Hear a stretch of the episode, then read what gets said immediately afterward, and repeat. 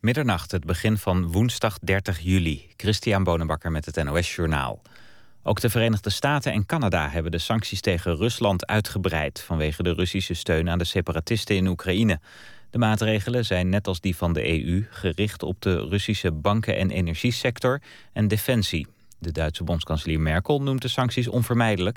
Het is volgens haar nu aan Moskou om te reageren. Merkel zei verder dat de sancties kunnen worden herzien... maar sluit ook niet uit dat de EU nog verdere stappen tegen Rusland neemt.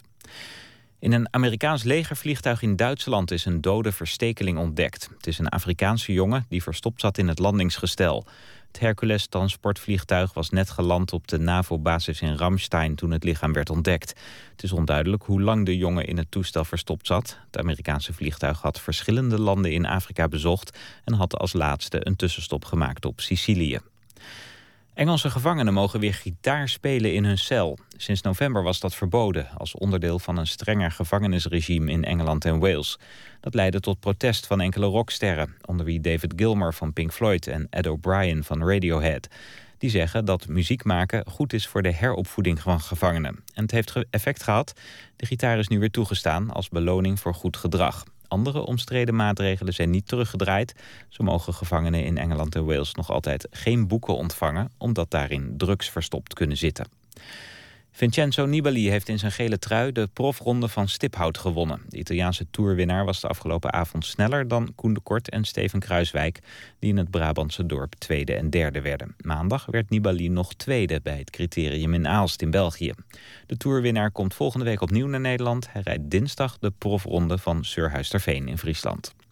Het weer, vannacht op de meeste plaatsen droog, minima rond 14 graden. Overdag af en toe zon, maar er kan ook een buitje vallen. Het wordt 23 graden en aan zee iets koeler. Dit was het NOS Journaal. Radio 1. VPRO. Nooit meer slapen.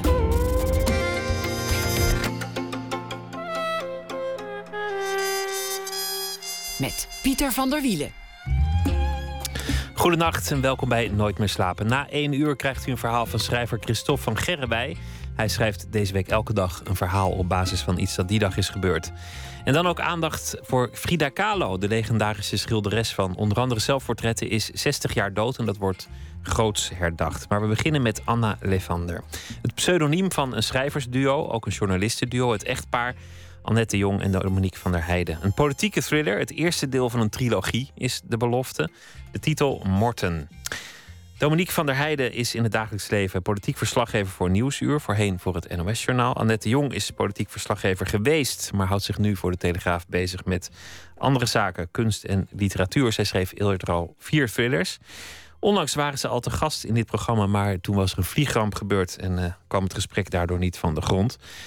Ik zei al, ze zijn in het dagelijks leven getrouwd en ze ontmoeten elkaar gravend naar nieuws in een papierbak rond het Tweede Kamergebouw. Mhm. Welkom. Dat is waar, toch? Ja, dat klopt, ja. Nou, ik liep al, we liepen, vooral Annette liep al veel langer rond. Maar ehm, op een bepaald moment, toen was er net een regeerakkoord gesloten... en we zaten bij uh, de fractie van D66. En ik, ik werkte nog maar net in Den Haag. Ik dacht, ik moet iets veroveren. Ik moet iets te pakken krijgen. Ik moet even aan de redactie laten zien dat ik dat kan.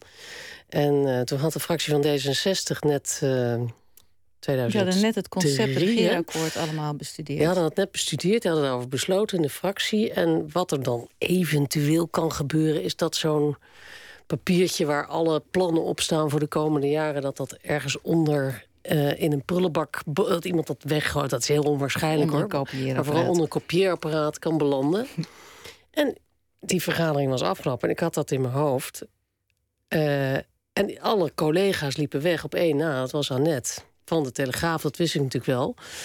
Dus zij zei, nou, denk jij wat ik denk? Uh, moeten we even inspecteren of hier nog wat ligt? En zo zijn we een soort partners in crime. Ik uh, wachtend op de gang, Annette het kopieerapparaat...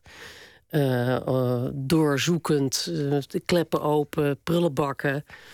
En toen dacht ik... Ja, we zijn met een prullenbak in een kast gaan zitten. Oh ja, dat was heel spannend.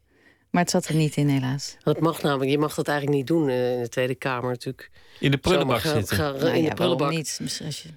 Nou ja, moet je nou maar niet zo stom zijn om... hadden ze ook niet gedaan trouwens, maar om, om iets in de prullenbak te gooien. Nou, er zijn wel eens dingen onder kopieerapparaat ja. uh, kleppen je mag niet iets van iemands bureau pakken, maar uit een prullenbak, daar heb ik niet zoveel problemen mee. Je mag niet ongevraagd zeg maar, iets van een bureau pakken. Want het gebeurt ook nog wel eens dat iemand zegt... goh, ik, moet, ik ga nu even weg, maar er ligt iets heel interessants op mijn bureau. dat wil ook nog wel eens dat is, dat is hoe dat gaat, lekken? Dat, dat heb ik wel eens meegemaakt. Dat is al een tijd geleden hoor. Maar dat, dat vond ik ook toen ook razendspannend. Toen heb ik ook iemand meegenomen op de gang wacht te houden. Want het is niet de bedoeling dat, uh, dat dan een kamerbode of iemand langskomt en je daarbij betrapt. Want je mag niet zomaar de kamers binnenlopen van de, van de, van de eh, Tweede Kamerleden. Ik vroeg me al af hoe dat ging lekken. Maar dit is dus een van de manieren waarop je dat doet. Het kan een manier zijn, maar meestal gaat het gewoon. Uh, Op een bierveeltje.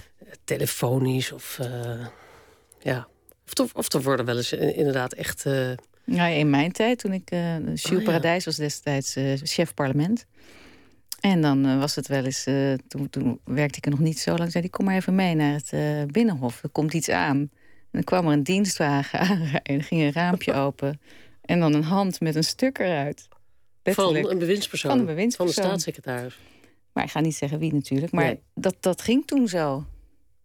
Maar even terug, terug naar de prullenbak. want waren, waren jullie toen. Uh, vloegen, sloegen de vonken meteen over? Spatten die meteen van, uh, van de prullenbak af? Of, uh...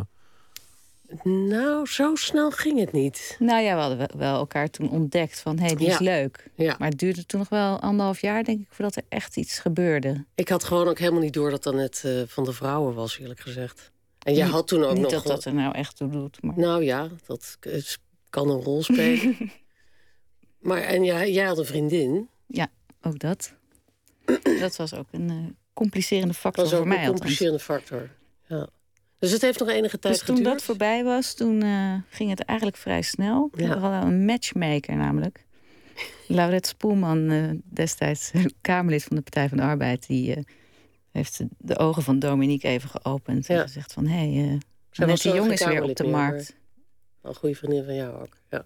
Was ze toen nog geen Kamerlid meer? Nee, volgens mij niet. Oh.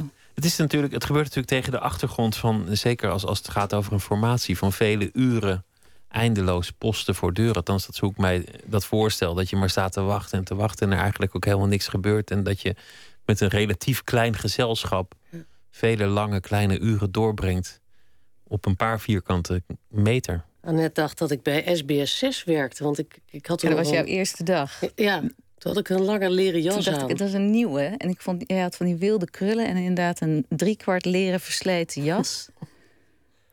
ja. En dat vond ik op de een of andere manier niet echt bij de NOS past. Dus nog... ik gokte SBS 6. SBS actienieuws of zo, hè? Ja. ja. Nou, dat vond op zich wel een compliment eigenlijk. De, de, de, ik wil de sfeer weten, want, want er wordt geformeerd bijvoorbeeld. En, en dan, dan hangen er journalisten en er komt eigenlijk nauwelijks nieuws naar buiten. En je hangt daar met, met z'n allen. En toch heb je ook onderling een soort concurrentie, want jij wil als eerste dat grote nieuws brengen. Hoe, hoe voorkom je dat de verveling het wint van de nieuwsgierigheid? Nou ja, ja, dat ligt eraan wie er staan natuurlijk. We hebben, eh, ja, dat, dat was na jouw tijd, maar toen met het, de katshuis, het grote katshuis uh, onderhandelingen met Geert Wilders, dat was natuurlijk buiten. Toen heeft NOS ook gewoon een soort Pipo de Clownwagen met koffie en, uh, en zo'n zo, zo, zo plastic play uh, er neer laten zetten. Zodat we het ook een beetje gezellig konden maken voor alle collega's. Als het dan koud was, dan kon iemand daar ook nog uh, een beetje warm worden en zo. In mijn tijd was dat nog niet zo uh, nee, luxe. Dat was, echt speciaal bedacht. Je moest altijd buiten staan. Ja.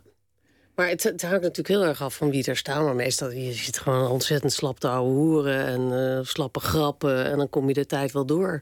En zo ontstaan ook liefdes en uh, dat, dat Kan, ja, dat kan gebeuren, heel goed gebeuren, ja. En vijanden waarschijnlijk ook.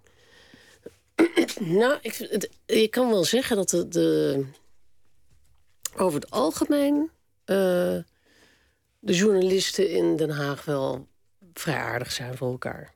We, zitten allemaal in hetzelfde schuitje. Daar kan en, ik me uh, niks van voorstellen. Journalisten zijn allereerst Er zitten er altijd een paar tussen waar je het minder goed mee kan vinden... maar er, er zijn er ook genoeg waar, waar je het dan wel goed mee kan vinden. Dus kan altijd gezellig worden. Maar je moet een zekere honger hebben om, om het vol te houden. Ik ben zelf als, als relatief jonge verslaggever erop uitgestuurd... om voor een van de omroepen... die hadden toen nog een eigen Haagse jongens en meisjes uh, dat te gaan doen. En toen was er een debat, iets met Els Borst nog, geloof ik. En dat ging de hele nacht door. En ik werd de volgende ochtend gebeld door de hoofdredacteur. Die zei: hoe ging het debat? Ik zei nou, ik lees in de krant dat het heel laat is geworden.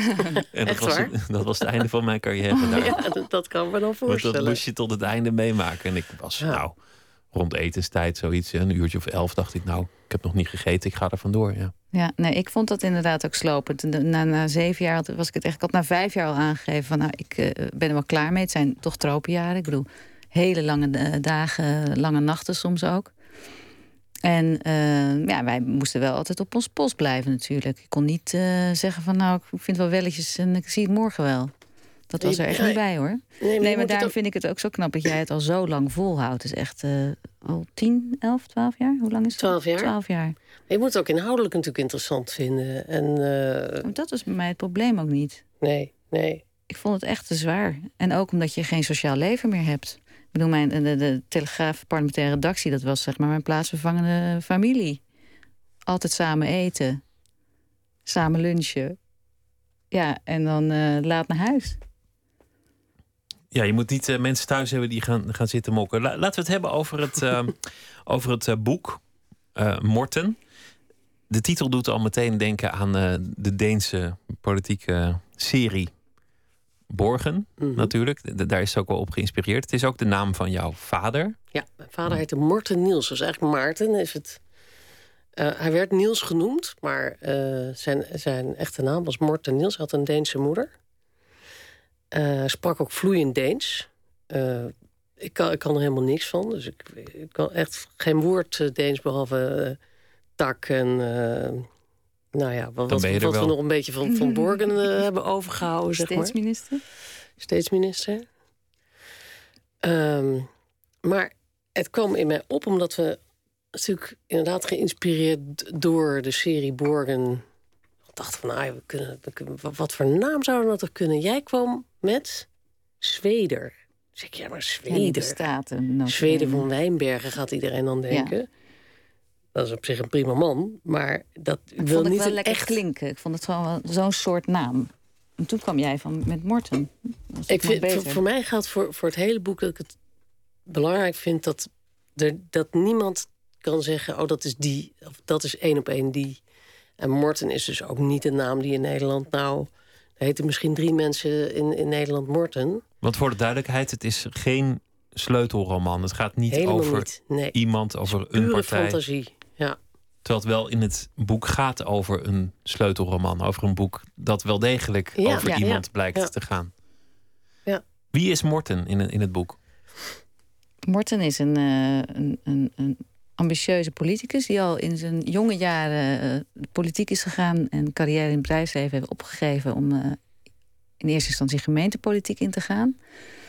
Het manuscript waar jij het over hebt, wat dat in het boek voorkomt, dat speelt zich af rondom een eh, feest na de gemeenteraadsverkiezingen van 1990. Daarin komt hij voor. Dat is een of andere zwembadparty in Naarden. Daar gebeuren allerlei dingen die later, in de huidige tijd, waarin Morten dus in de Tweede Kamer zit, een vrij kleine partij, de Nieuwe Liberalen, die ineens als een speer gaat in de peilingen, waardoor hij kansen ziet om het leiderschap eh, te, ja, te veroveren, als het ware. Een man vol idealen die eigenlijk eh, wordt gegrepen door de honger naar macht. En, en ook misschien Ja. opleeft door zijn eigen succes en de verbazing dat hij zo'n succes kan hebben. Maar misschien onderweg ook wel die idealen een klein beetje verliest. Of in ieder geval niet meer zo heel erg op de voorgrond heeft staan. Ja, dat Is- is, eh, dat is natuurlijk iets wat, wat je in de werkelijkheid ook wel veel tegenkomt.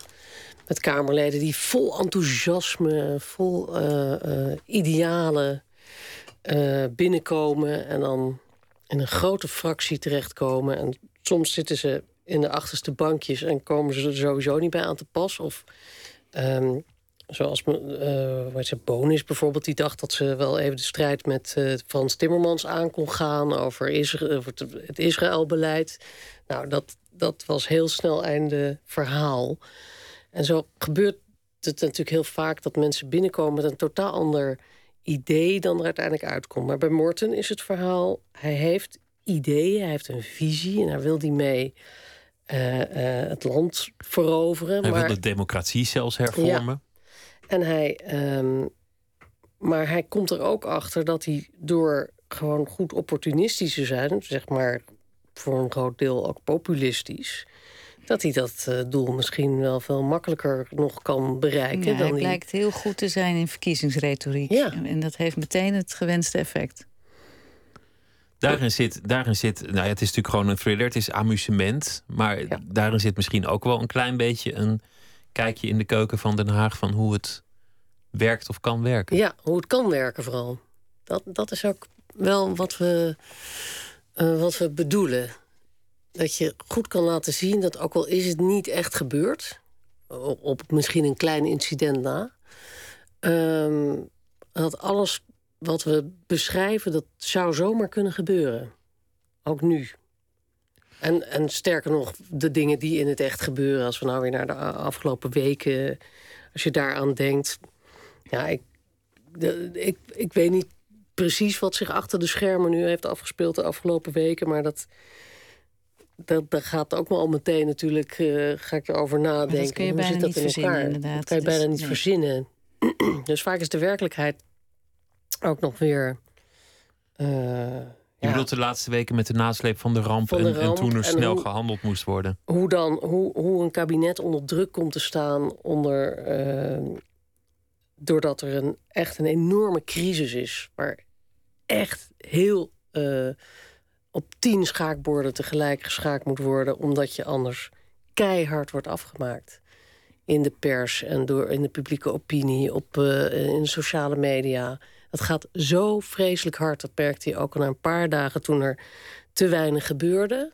In de ogen van, van veel mensen. Dat op Twitter en in de grote letterkrant Ja. dat het. eh, En dat er vreselijk vreselijke dingen op die rampplek zelf leken te gebeuren. Eh, en misschien ook wel gebeurden. Ja, die zijn ook gebeurd. En inmiddels is dat ook wel bevestigd door eh, politiemensen die daar Ja, mee bezig maar zijn met identificatie. er, bleken ook gewoon een heleboel goede dingen te gebeuren. En er nam- er zijn namelijk ook gewoon heel veel lichamen geborgen in die, in die periode. Alleen voor het gevoel van veel Nederlanders was dat natuurlijk... Maar dat is ook op een manier gebeurd die wij, als wij daar eh, de zeggenschap hadden gehad, op een andere die wij niet gewend zijn. Ja, ja, ja. Het is een interessant punt. Daar wil ik straks op terugkomen. Over, de vraag of alles in openheid kan gebeuren. En of dat in deze tijd waarin alles zo snel gaat. Eh, wel gevraagd wordt en eigenlijk niet geleverd kan worden. Altijd openheid. Maar de thriller is, het is natuurlijk een spannend boek. Er worden bodybags dichtgeritst. Er wordt, eh, eh, wordt in, in eh, wijnkelders en gangkasten eh gevreden. Er, er wordt. nou ja, er wordt, wordt in gedronken en er wordt in gesmierd. En alles, alles wat een boek spannend maakt, dat gebeurt erin ik kan me toch voorstellen dat dat in de, in de politiek ook wel een beetje aan de hand is. Omdat mensen onder druk staan, veel adrenaline, veel, veel ego. Dus, dus dan ja, moet je af en toe ook een beetje stoom afblazen. Alles gebeurt natuurlijk. Alles wat, wat, wat eh, in spannende omgevingen gebeurt. Dat, het kan ook in grote bedrijven gebeuren. Of dat gebeurt zeker ook in de politiek.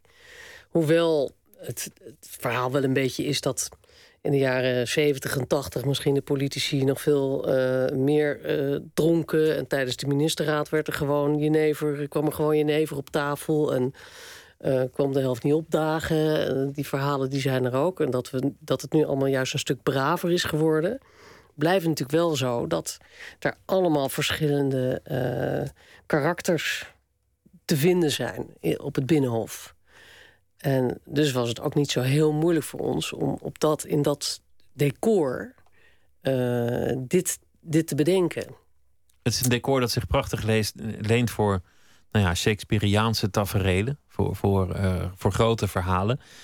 De, de, de Haagse code die in, in de jaren zeventig zo, zo legendarisch in stand werd gehouden. Dat als een minister zijn chauffeur naar huis had gestuurd en zelf dronken de dienstauto tegen een viaduct ramde. En dat het journaal zei, nou ja, oké, dat, eh, dat schrijven we dan maar even niet op.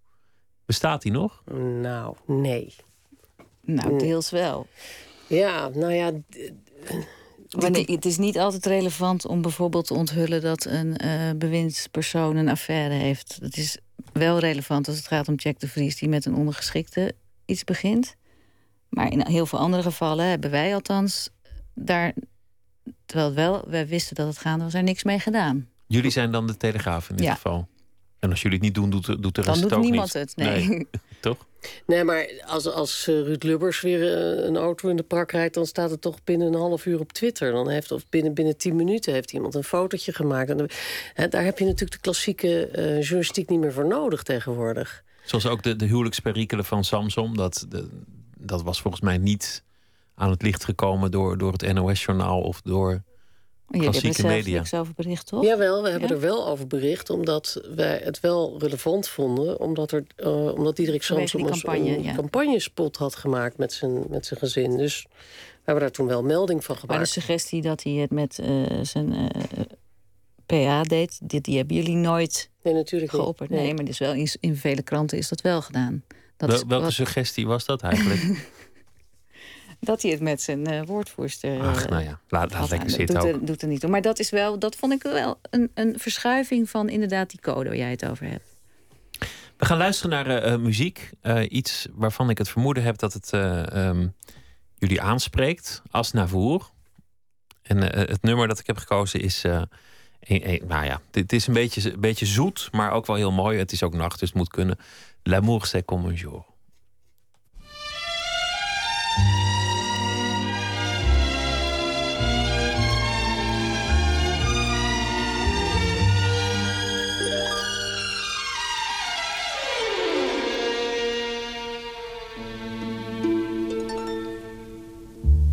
Le soleil brille à plein feu.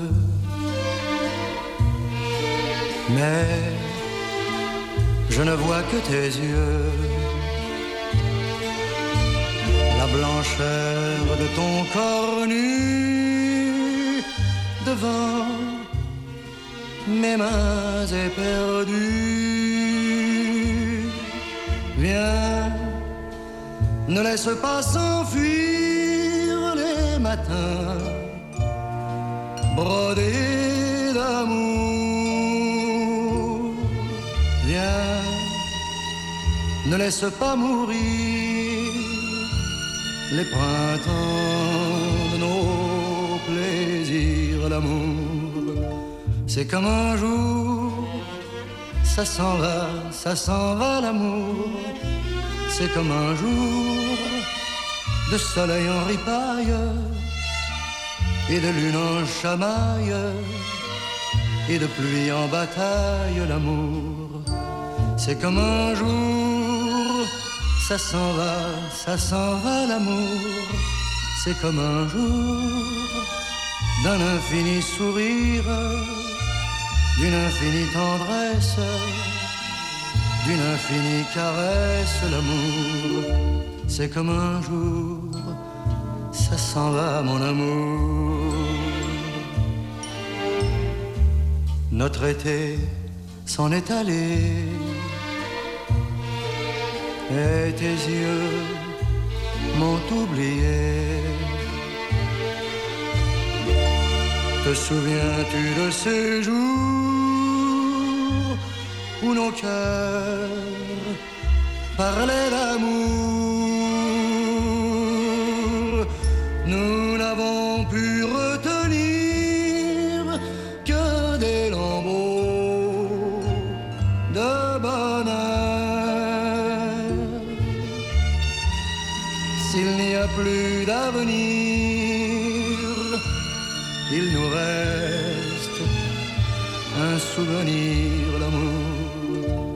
comme un jour, ça s'en va, ça s'en va l'amour c'est comme un jour de soleil en ripaille et de lune en chamaille et de pluie en bataille l'amour. C'est comme un jour, ça s'en va, ça s'en va l'amour.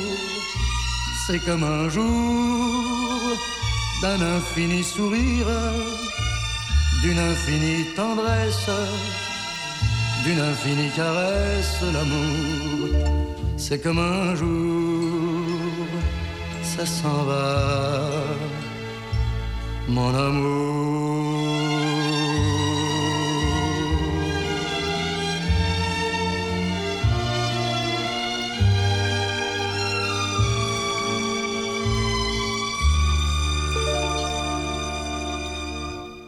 Asnavour. De liefde is als een dag. Die gaat ook weer uh, voorbij. Ware woorden.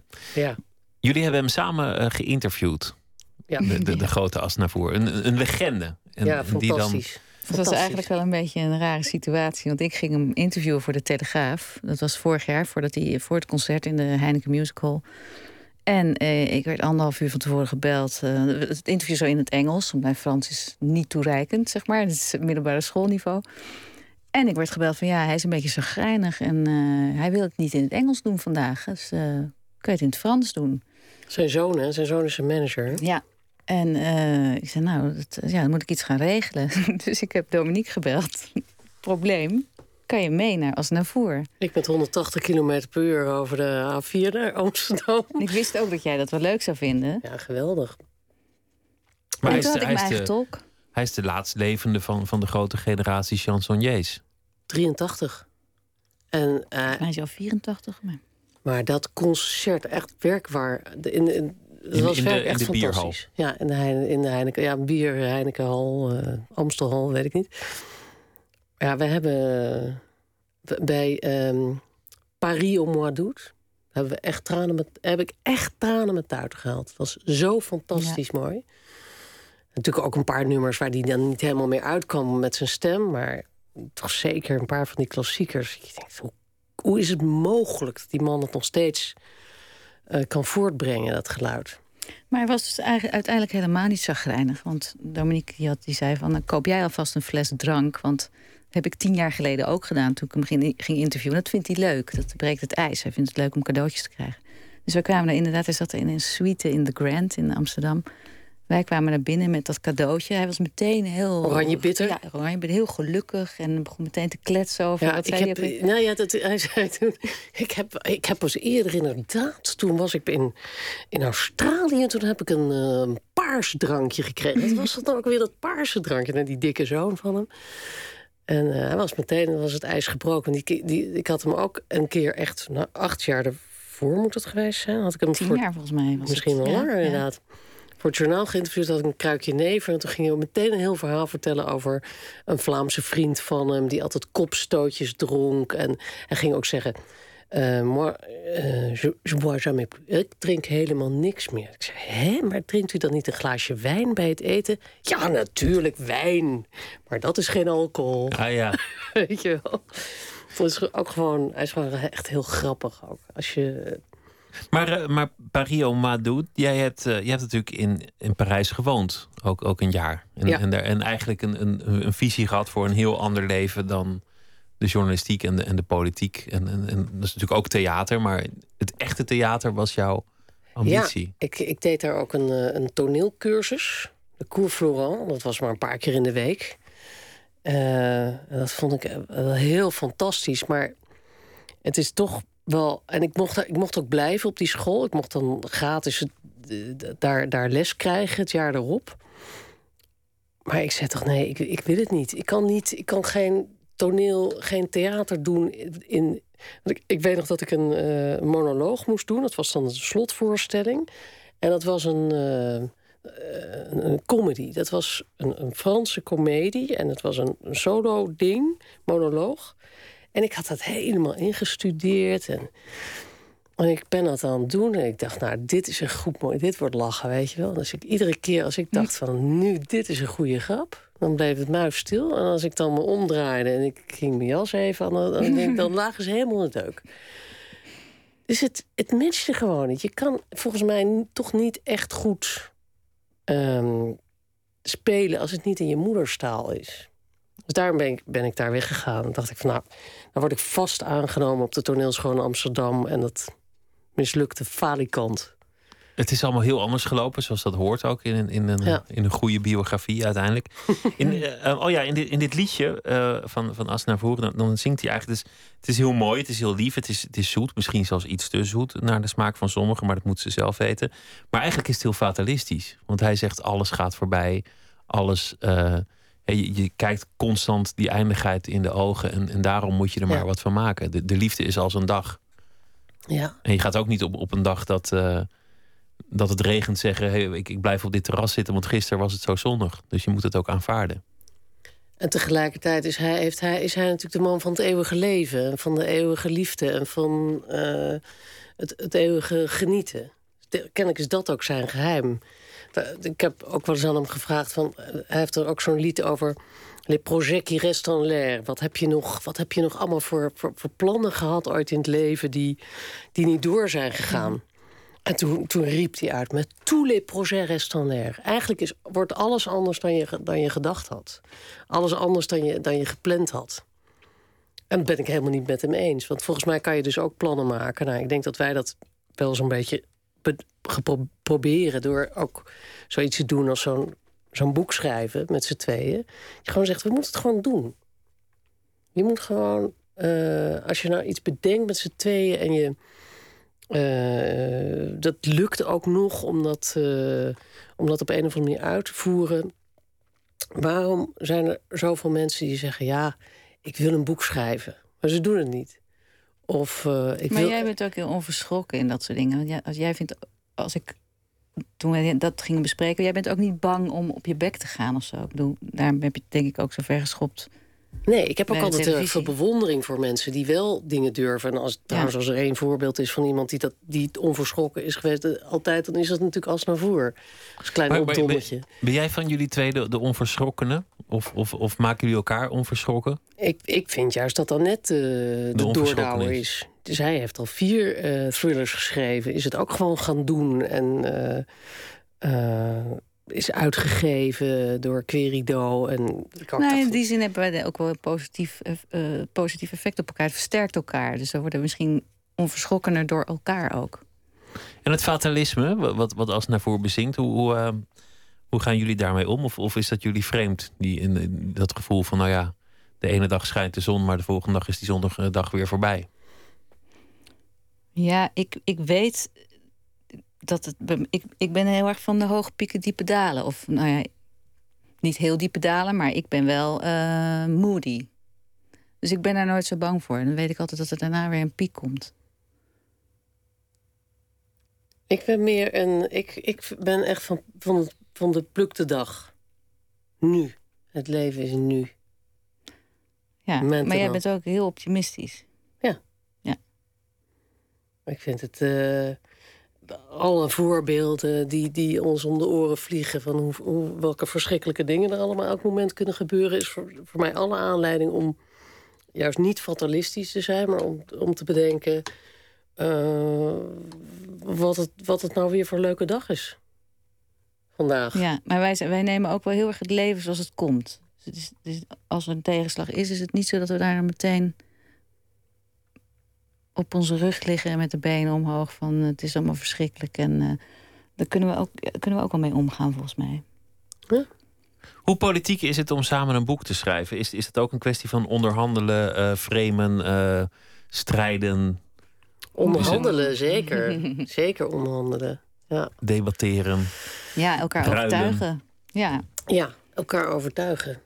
Ik had gisteren nog, vond ik een briljant idee. En dan begint dan net nee, nee, nee, nee. Nee, nee, nee. nee. Luister nou even. Ik ben al helemaal niet klaar. Want er komt nog een hele leuke, ik heb nog een hele leuke wending erin. Ja, ja, maar ik vind nu, nu al helemaal niks.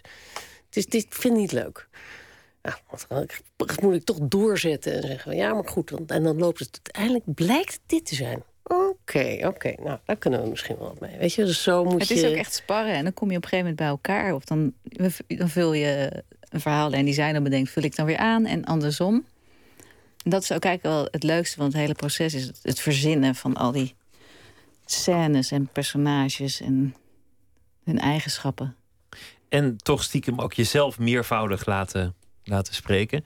Hier is de, de, de hoofdpersoon aan het woord over, uh, over, over de democratie. Ik wil de democratie inperken. Het volk is te machtig en zadelt ons op met de ene instabiele coalitie na de andere. Er is de afgelopen 15 jaar niet één kabinet geweest dat de rit heeft uitgezeten. Ze geven de grootste randebielen een zetel in het parlement. Om de haverklap is er een crisis. Kijk naar de peilingen. Er is op dit moment geen enkele werkbare coalitie met de meerderheid. Goede ministers kunnen we straks niet meer krijgen. Die passen voor gedoogconstructies. Het volk is onbetrouwbaar en ontrouw. Sletten zijn het. Ze vliegen van de ene partij naar de andere. Ze denken niet vooruit. Het gaat om de toekomst, maar ze weten zelf niet wat goed voor ze is. Heerlijk hè, dat uh, Morten dat zomaar kan zeggen. Ja, want dat kan Dominique van der Heijden niet zeggen. nee, maar ik ben het ook helemaal niet mee eens. Nee? Echt, nee, echt helemaal niet. En dat, dat, maakt, dat is ook wel weer zo leuk. Dat er allerlei dingen in, in gezegd worden die, waarvan je denkt, nou ja, wat is dat voor een idioot? Ik ben het er wel mee eens. Ja, jij bent er voor een deel ook nog heel erg mee eens. ik het er mee eens met die, inderdaad, met die gedoogconstructies, met die, het feit dat inderdaad al die kabinetten er dit niet uitzitten. Ik denk dat het, dat, uh, het land wel uh, behoefte heeft aan, aan meer stabiliteit. En dat het helemaal niet zo gek zou zijn. Ik denk wel dat ze de behoefte aan hebben. geopperd door iemand als bijvoorbeeld uh, Bolkestein en Jorritsma om uh, de regeerperiode te verlengen naar zes jaar bijvoorbeeld. Ik ben, ik ben wel juist wel eens heel erg boos geworden op, op Bolkestein... omdat hij dan beweerde van... nou ja, weet je, je moet de gewone man eigenlijk helemaal niet lastigvallen met politiek. Maar ik vind dat je iedereen moet lastigvallen met politiek... en met, met belangrijke besluiten die, die daar genomen worden. En ik denk juist dat onze democratie behoorlijk goed functioneert binnen het rare systeem wat we hebben. Juist al die checks en balances die erin zitten. Echt een half jaar geleden ging iedereen roepen... ja, maar dan moet je die Eerste Kamer... die moet je, kan je gewoon wel beter afschaffen. Want ze zijn veel te lastig. Terwijl nu denkt iedereen, maar wacht even... ze hebben wel op bepaalde ja. momenten zo uh, aan, de, aan de handrem uh, getrokken. Misschien is dat wel goed. Anders waren er misschien wetten doorgekomen... die veel te ver doorgeschoten waren... omdat een paar mannen te veel met elkaar hadden zitten uitruilen. Snap je? Dus wat je, vertelde, wat je vertelde over de afgelopen weken. De, de, de, de enorme ophef op Twitter, uh, Facebook, um, in andere media, nou, de grote letterkrant. Dat, de enorme ophef en de politiek die daar iets mee moet. Terwijl ze achter de schermen, mag ik aannemen, of in stilte of via diplomatieke weg iets aan het doen zijn. De vraag die daar eigenlijk naar aanleiding van kunt stellen is of leiderschap in deze tijd nog wel mogelijk is. Het is in elk geval heel moeilijk. Ik, ik, heb, ik heb wel vaker gezegd... Ik heb wel eens de vraag gekregen... dan zou je zelf de politiek niet in willen. En dan zeg ik, kijk nou even wat, je, wat, wat ze allemaal te voortduren krijgen.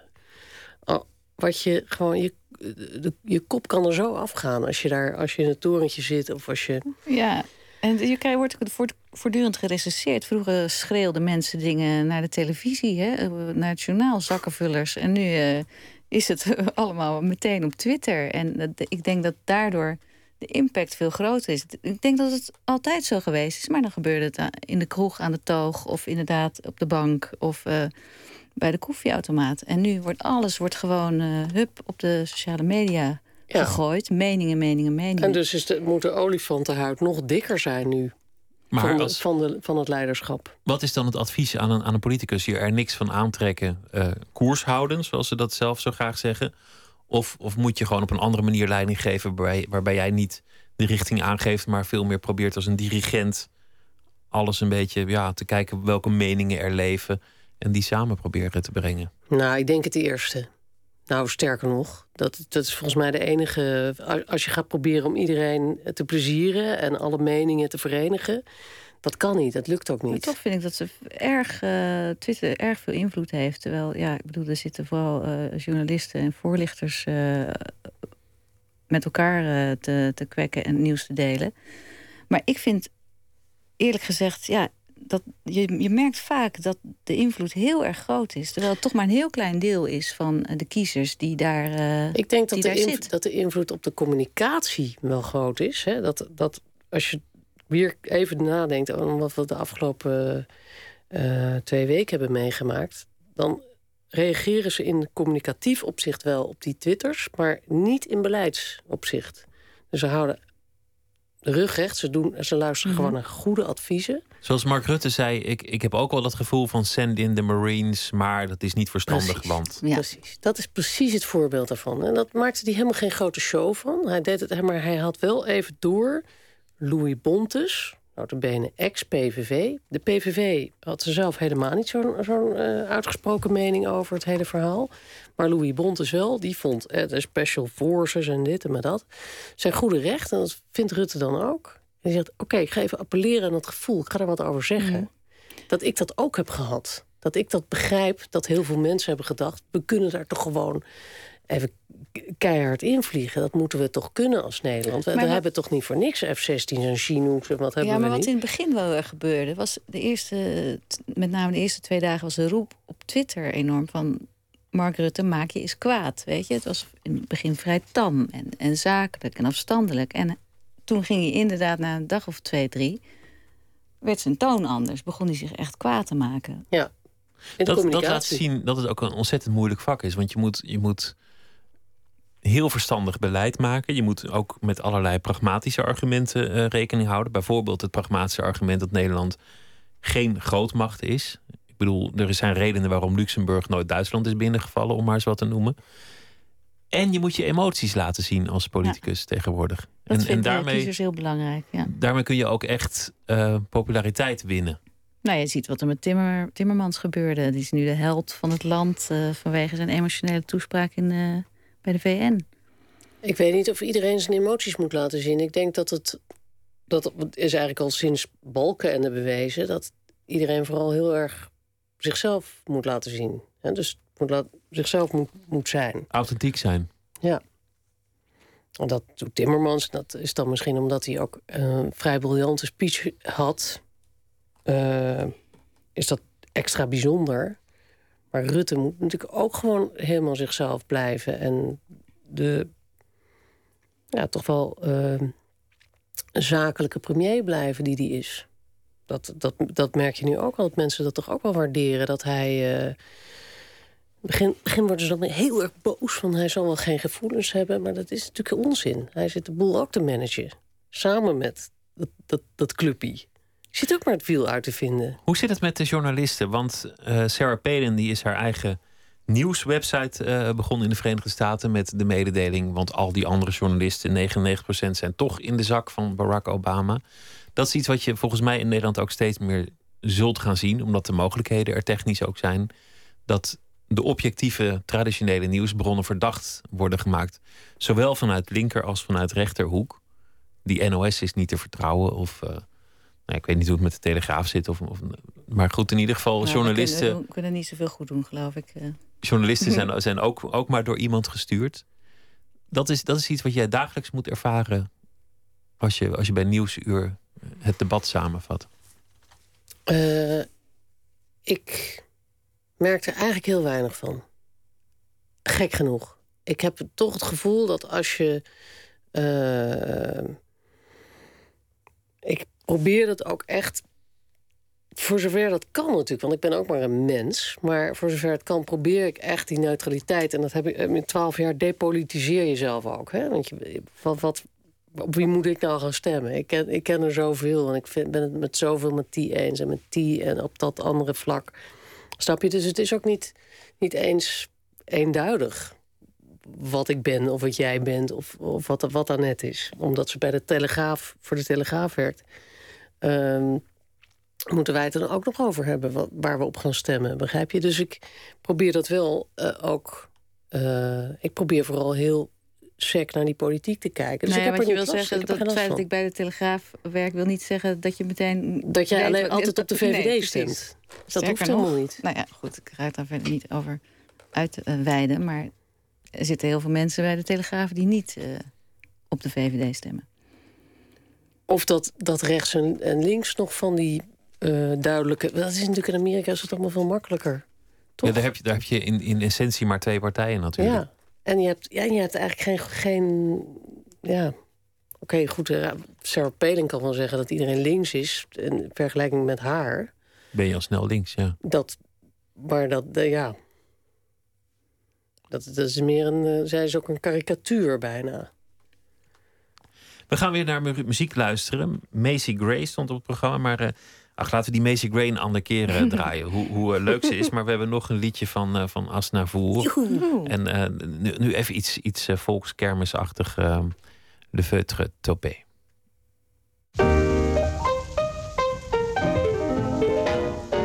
Il portait un feutre topé, il parlait par onomatopée, il buvait des cafés frappés avec des.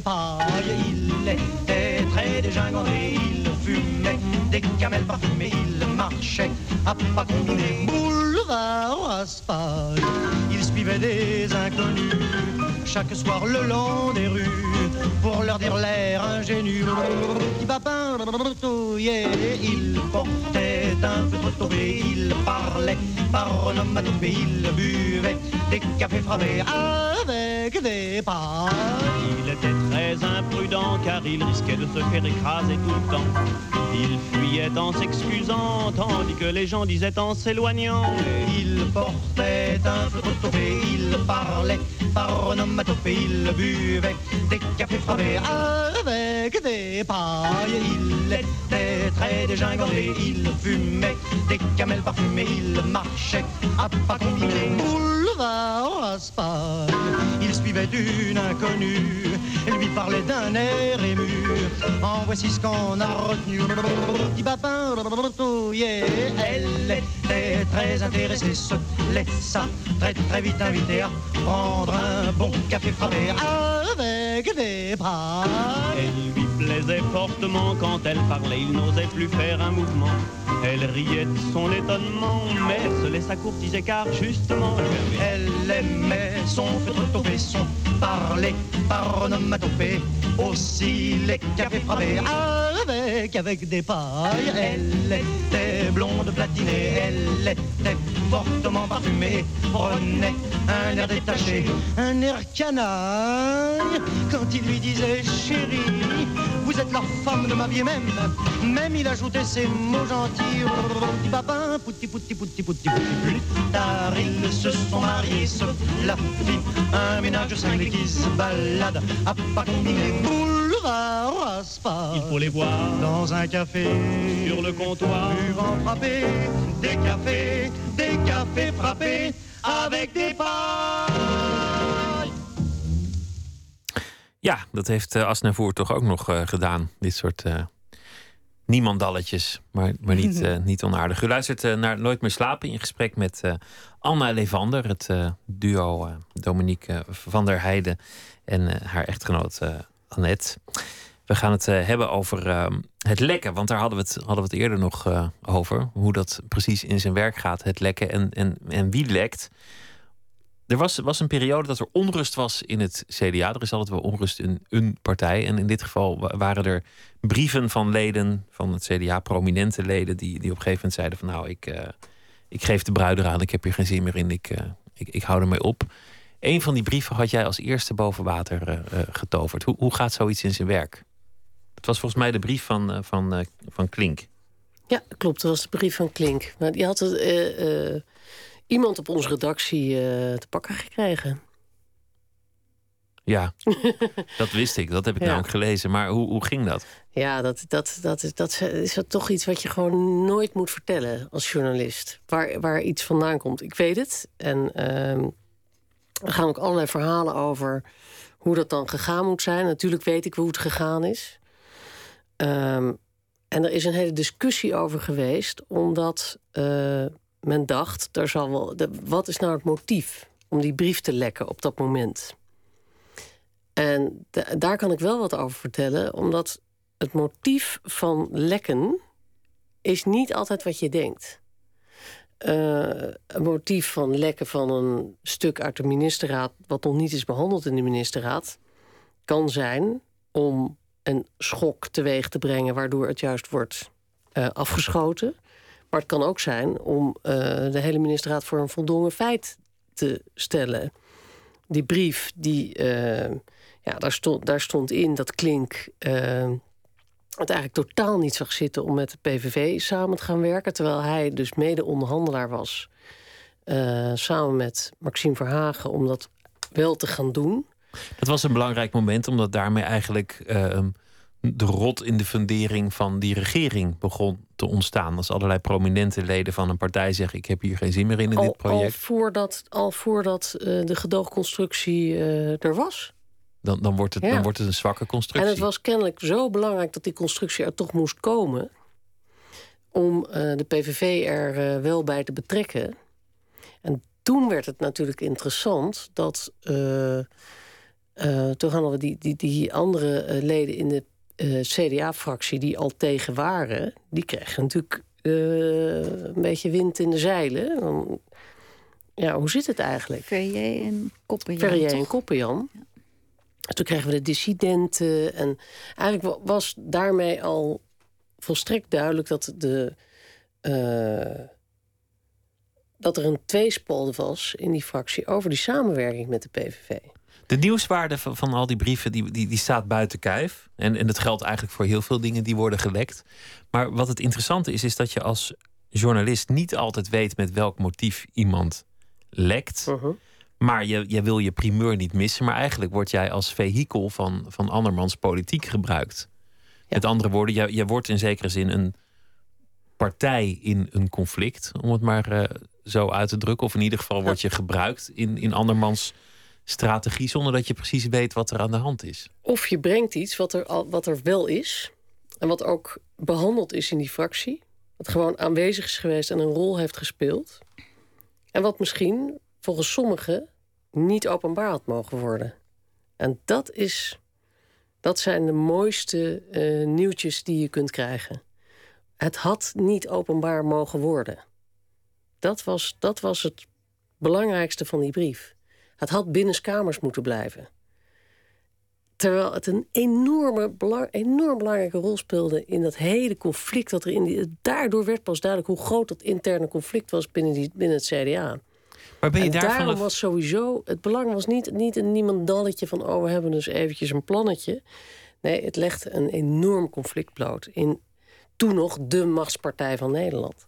Maar is dit waar je van afhankelijk, los van de prullenbak waar we mee begonnen en het kopieerapparaat, is, is dit waar je voor het grootste deel voor eigen nieuws van afhankelijk bent? Je, wil natuurlijk als journalist op het Binnenhof meer dan alleen kijken welk debat draait er vandaag en verslag doen. Nee, wat, wat ik het belangrijkste vind is ver- vertellen eh, wat er echt gebeurt. Wat er achter de schermen gebeurt. Wat, wat, eh, wat de echte motieven zijn. eh, wat er, wel- en vooral ook zo snel mogelijk vertellen wat voor belangrijk inhoudelijk beleid er aan zit te komen voor mensen. Dat vind ik ook heel erg belangrijk. Maar dit, dit specifieke voorbeeld is, is daarom een enorme krent in de pap, zeg maar. Een heel zeldzaam iets, omdat het iets blootlegde wat nog niemand wist. Dat maakt het een zeldzaamheid. Dat, dat is een- het, het lichten van een tegel. En eh, dat is dus niet het dagelijks werk in Den Haag. Mijn dagelijks werk in Den Haag is... Wacht even, politici zeggen dit. Zeggen het een. Ze willen eigenlijk het anders, iets anders ook nog wel erbij vertellen... maar dat kunnen ze niet, want het is diplomatiek onhandig. Of, en als je alleen maar dat ene zou laten horen... dan snapt de kijker er helemaal geen snars van. Want hij zegt het een en in, in, in Oekraïne zijn ze elkaar de tent aan het uitvechten... en hij blijft beweren in het, debat dat, dat ze echt een afspraak hebben met Oekraïne. Hoe zit dat nou? Nou, punt is, ze kunnen, moeten, willen nu toch nog even Oekraïne de kans geven... om die corridor te maken naar dat gebied morgen. Kijk of dat alsnog lukt. Als hij meteen in dat debat helemaal fel van leer trekt... ja, dan eh, wordt het ja, er helemaal lopen ook niks, nog ongeveer 100 parlementaire verslaggevers die niet eh, de analyse schrijven, maar die gewoon op, op jacht zijn naar die keiharde primeur. Want daar word je toch op afgerekend als je je eigen portefeuille moet je gewoon goed beheren. Als je, zoals ik in mijn tijd VWS en sociale zaken deed, ja, dan was ik wel blij als er iets mijn kant op lekte en als ik daar een krant mee kon openen. Maar de primeur is dan gewoon... de belasting is gaat omhoog. nieuwtje. Of Ja. het, gewoon het nieuwtje. Want Ja. de, de, de studiefinanciering wordt afgeschaft. Iets wat heel relevant Rookverbod is op de voor- werkplek, eh, noem het maar op. Voor, voor mensen die, die de kant open zijn. Maar oh, nou, Omdat je zo afhankelijk bent van, van, van lekken of van wat anderen jou, jou toeschuiven, wordt wel eens gezegd van parlementaire journalisten zitten veel te dicht op die macht, veel te dicht in die kaastop. Die, die zouden meer afstand moeten hebben, misschien meer ruimte voor eigen onderzoek, voor, voor eigen bronnen, voor eigen verhalen. Wat, vinden jullie daarvan? Nou ja, er zijn heel veel journalisten die zijn bezig met eigen onderzoek en eigen bronnen. En eh, diepgravend eh, eh, mogen die van hun, van hun baas dat doen. En par- parlementair journalist moet dit doen. Die moeten juist bovenop zitten om precies te weten wat er gebeurt. Die moet precies weten of die wel of niet voor een karretje wordt gespannen. Dat kan je niet als je eh, daar een parttime baan van maakt... en verder nog met allerlei leuk onderzoek bezig bent, snap je? Dus je moet je er helemaal in... Maar het is soms wel een wankel evenwicht. Want wat jij bedoelt, kijk, je kunt soms zo'n goede relatie krijgen met bronnen. dat ze je off the record van alles gaan vertellen. En op een gegeven moment moet je dan als journalist wel de lijn trekken van ja, sorry, maar ik ga hier dus wel iets mee doen. Want Anders dan doe ik mijn werk niet goed. En dat is wel ja, iets, dat moet iedere journalist voor zichzelf uitmaken, natuurlijk waar hij die grens legt. Maar dat gevaar, dat ben ik wel met je eens, dat ligt wel soms op de loer. Dat is deel van het werk ook natuurlijk, uiteindelijk. Ja, je relaties zijn alles. Ik bedoel, als jij de verhalen wil horen, dan moet je die relaties opbouwen. Daarom zeggen ze bij, bij ons was het toen ook zo: je moet minimaal vijf jaar, maar dat is echt het minimum. Moet je daar rondlopen? Liefst nog veel langer. Moet je voorstellen dat je in je eigen leven, gewoon zoals je dat eh, leeft met alle brokken die je, die je maakt, en die volgens mij iedereen wel een beetje maakt, een parlementair journalist achter je aan het hobbelen de hele dag. Die zeggen: eh, Zit je nog wel in het zadel van de wiel? Heb je dit niet een beetje laten vallen? Had je dit niet uh, beter kunnen doen? Kunnen we je daarop afrekenen? Ja, dat zei je de vorige keer ook. Ja, het, het, aan de ene kant wel, maar vergis je niet. Er zijn 150 Kamerleden. Er zijn zoveel uh, ministers en staatssecretarissen... met een enorme uh, apparaat aan ambtenaren en woordvoerders. En met dat kleine clubje journalisten kunnen wij ze niet... Uh, zo gek maken als jij nu nee. beschrijft. Wij moeten toch natuurlijk kijken waar de highlights zitten. En precies ook weer om die reden moet je er moet je echt veel ervaring opdoen daar. Want anders weet je niet waar je het moet zoeken. Hoe lang ga je het volhouden? Ik weet het niet. Zolang ik het leuk vind. He? Want het, het leven. Uh, ik heb nog nooit jou een dag meegemaakt dat je het niet leuk vond, eerlijk gezegd. Nee, maar ik heb nu wel een beetje zin in vakantie. Ja, dat kan. Ja. En we gaan leuk uh, mo. Uh, we gaan deel 2 schrijven in de vakantie. En waar gaat die vakantie naartoe? Toch, toch naar Frankrijk? Ja, deels. Maar we hebben, ik heb wel, we hebben een paar uh, hutjes uh, op het oog. Eentje in Oostenrijk, eentje in Noord-Italië en eentje in Frankrijk. Ik vroeg dit omdat je ooit getwitterd had hmm. naar alle protesten tegen het homohuwelijk in Frankrijk. Dan ga ik nu maar eens een jaartje naar Zweden, maar de, de ja, sancties... Dat hebben we gedaan. hebben we gedaan. Maar de sancties zijn opgeheven. Maar Frankrijk is zo verschrikkelijk mooi. Ik heb het ze vergeven. Dank dat jullie uh, te gast wilden zijn, uh, Annette Jong en uh, Dominique van der Heijden. Um, Morten is de titel van het boek, geschreven onder de naam Anna Levander. En nou ja, ik ben benieuwd naar deel 2. We gaan nu wel luisteren naar Macy Gray.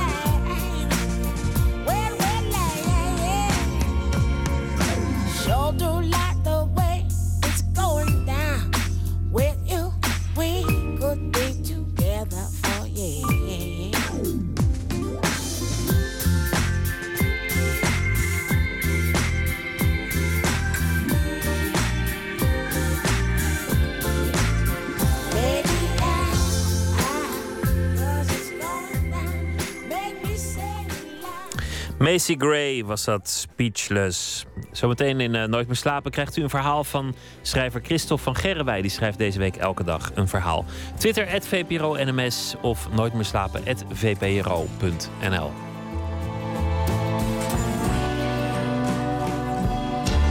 Op Radio 1, het nieuws van alle kanten.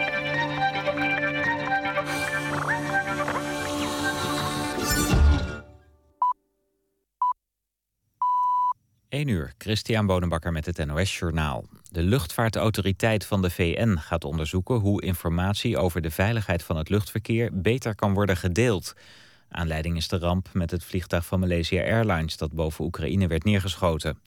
Het luchtruim was niet gesloten voor de burgerluchtvaart, maar er waren wel maatschappijen die het conflictgebied meden. KLM-topman Eurlings zei zaterdag dat hij daarvan niet op de hoogte was. Vlucht MH17 werd mede namens de KLM uitgevoerd. Een speciale commissie van de VN-luchtvaartautoriteit gaat nu bekijken hoe informatie hierover voortaan beter kan worden verspreid.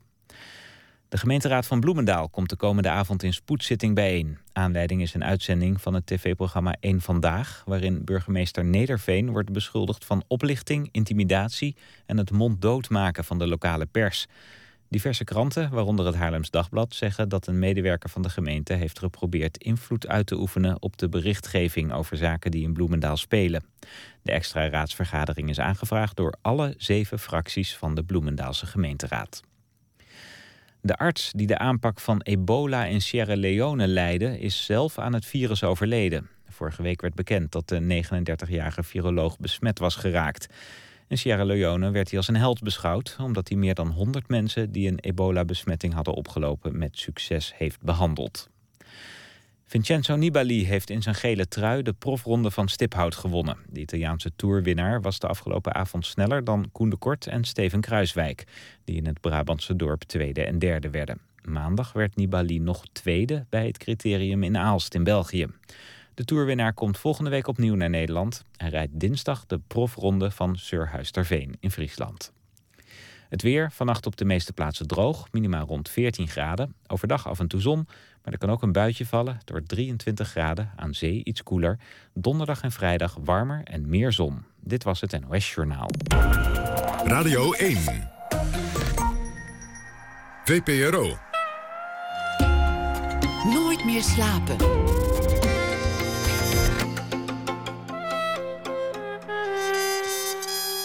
Met Pieter van der Wielen.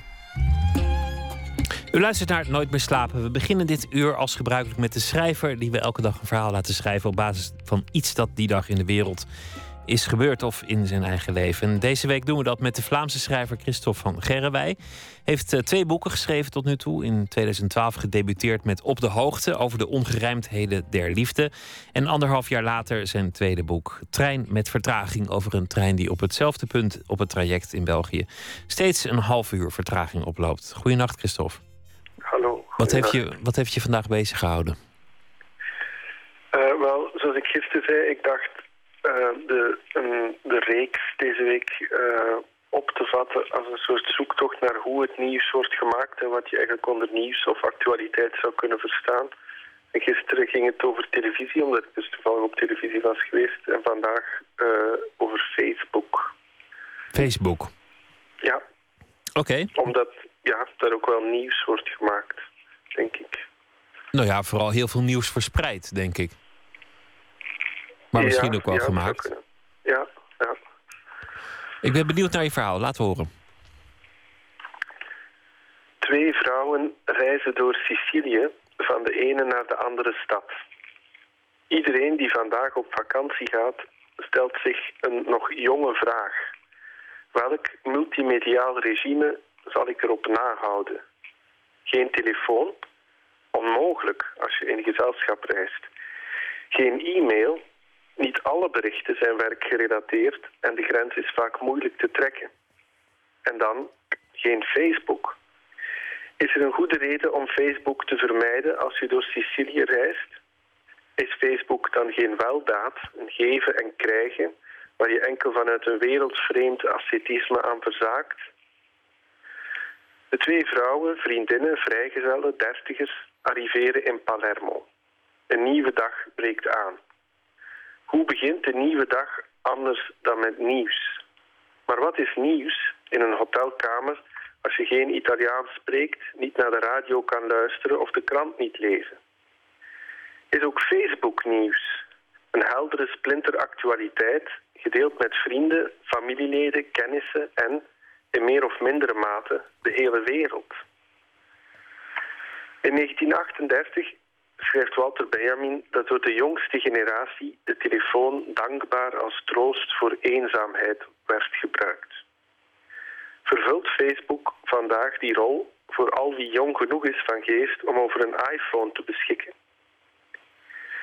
En als de eenzaamheid van twee vrouwen op vakantie in Sicilië niet bestaat, dan toch zeker die van de thuisblijver, voor wie die ene, bevestigende, goedkeurende, zelfs imaginair liefkozende duim, opgericht in het verre Italië, niet alleen het belangrijkste nieuws van de dag wordt, maar die dag ook doodsimpel kraakt of maakt. Ja, dat is waar. Maar dat, uh, dat, dat, valt mij nu op. Mensen komen weer terug van vakantie. Uh, collega's, vrienden, Mhm. kennissen en uh, voorbijgangers. En heel veel hebben, hebben elkaar niks meer te vertellen. Je komt niet meer terug van vakantie met verhalen. Want je hebt elke dag al alles op Facebook opgehangen. En mensen hebben al een duimpje in de lucht gestoken. Dus je, je komt volledig leeg en alles is al bekend thuis. Ja, ja, dat zou kunnen. Hoewel ik denk dat er ook wel mensen zijn die uh, redelijk radicaal beslissen om uh, uh, op vakantie te gaan en er dan ook mee op te houden met Facebook en dergelijke dingen, bedoel ik. Maar dan kan je afvragen wat er dan gebeurt als je terug thuis komt, of je dan niet een heel grote achterstand hebt plots. Of bijna een dag moet reserveren om alle updates te... Om die allemaal terug te lezen? Gaan. Ja, ja, nee, dat doet niemand.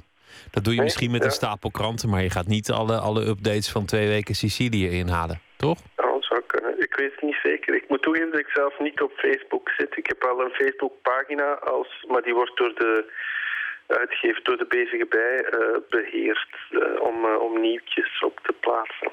Maar ik geef toe dat ik er wel vaak naar kijk om te zien bijvoorbeeld wie iets leuk vindt en wie niet. Zo werkt het dan weer wel, ja. Wordt het je verweten dat je niet op Facebook zit? Uh, nee, nee, ik denk het niet. Nee. Wordt niet als wereldvreemd ervaren? Nee, nee. Het, ik geef toe dat ik er zelf wel eens aan twijfel of, het, uh, of ik niet iets mis en of het niet uh, toch ook heel veel voordelen zou hebben om op Facebook te zitten. Maar ik denk gewoon dat ik er, zoals veel dingen die ik doe, er gewoon vrij snel heel intensief, of om niet te zeggen obsessief, mee bezig zou zijn. Dat is misschien wel de voornaamste reden waarom ik nou ja, en voor zelfs maar geen Facebook neem. En ja. voor een schrijver is het levensgevaarlijk, want het is de Bermuda-driehoek waar al je tijd in kan verdwijnen als je niet oppast ja, natuurlijk. Ja, ja, en aan het eind van de dag levert het je helemaal niks op. Dus uh, niet doen. Nee, oké, okay, goed. Bedankt Morgen... voor het advies. ja, een, een, vaderlijk advies. Morgen weer een verhaal over uh, hoe nieuws tot stand komt. Christophe Mhm. van Gerrenwij, dank je wel. En uh, voor nu een hele goede nacht. Ja, goede nacht.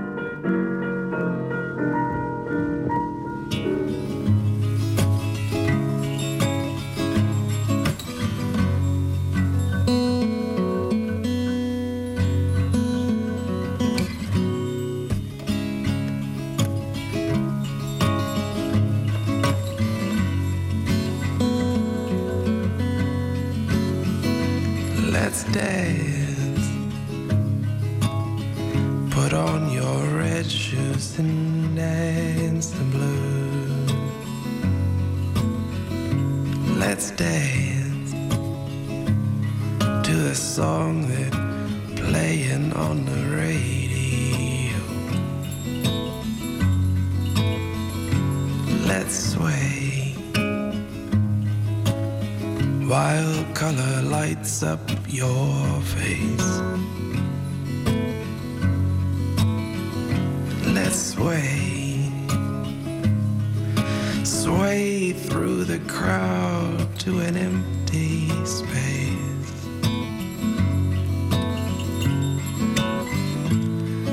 And if you say run, I'll run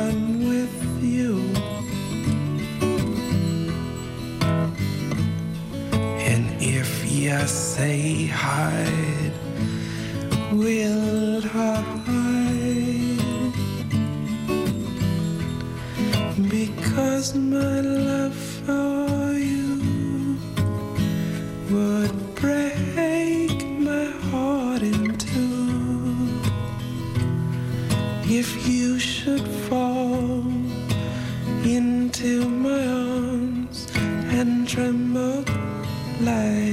cloud.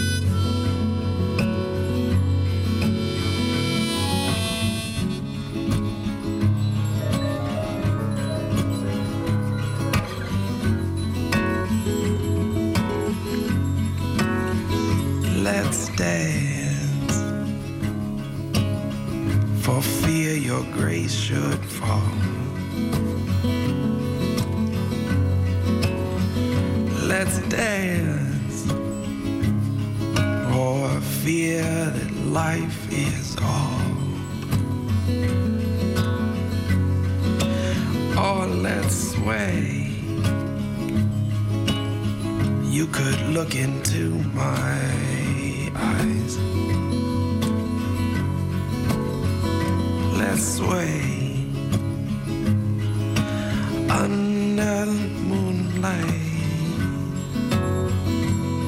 the serious moonlight.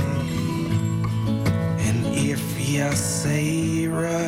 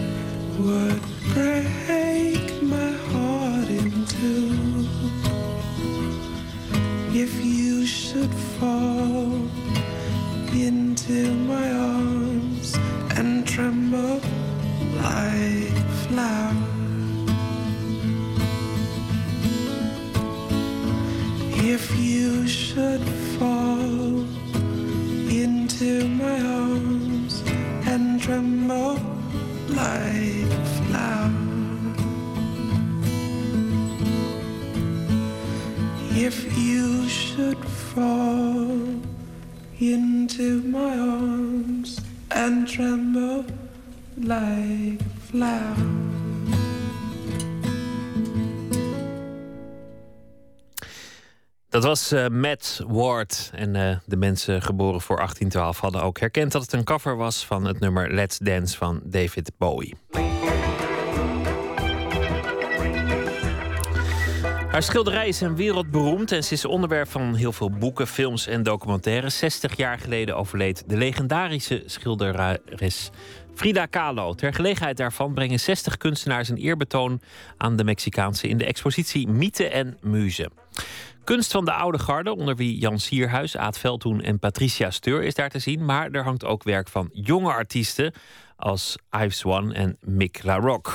Verslaggever Nicole Terborg ontmoet kunstenaars Jacinta Heijmans en Tessa van der Voort in de Go Gallery te Amsterdam.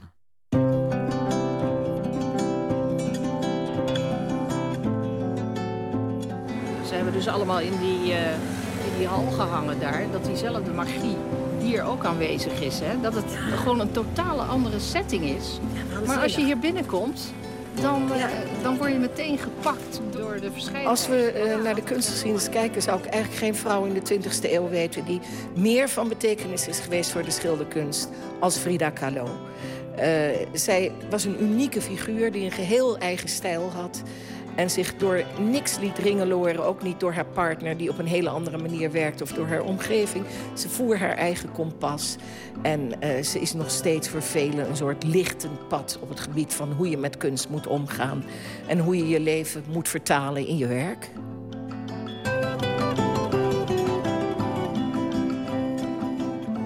Deze vrouw heeft mij ook altijd gefascineerd en is, is magisch. Nou, ik heb een levenslange fascinatie voor deze schilderes. Zowel haar leven als haar werk hebben me altijd zo aangesproken. En toen ik vorig jaar las dat zij 13 juli jongsleden 60 jaar geleden overleden was, dacht ik van nou, het is now or never.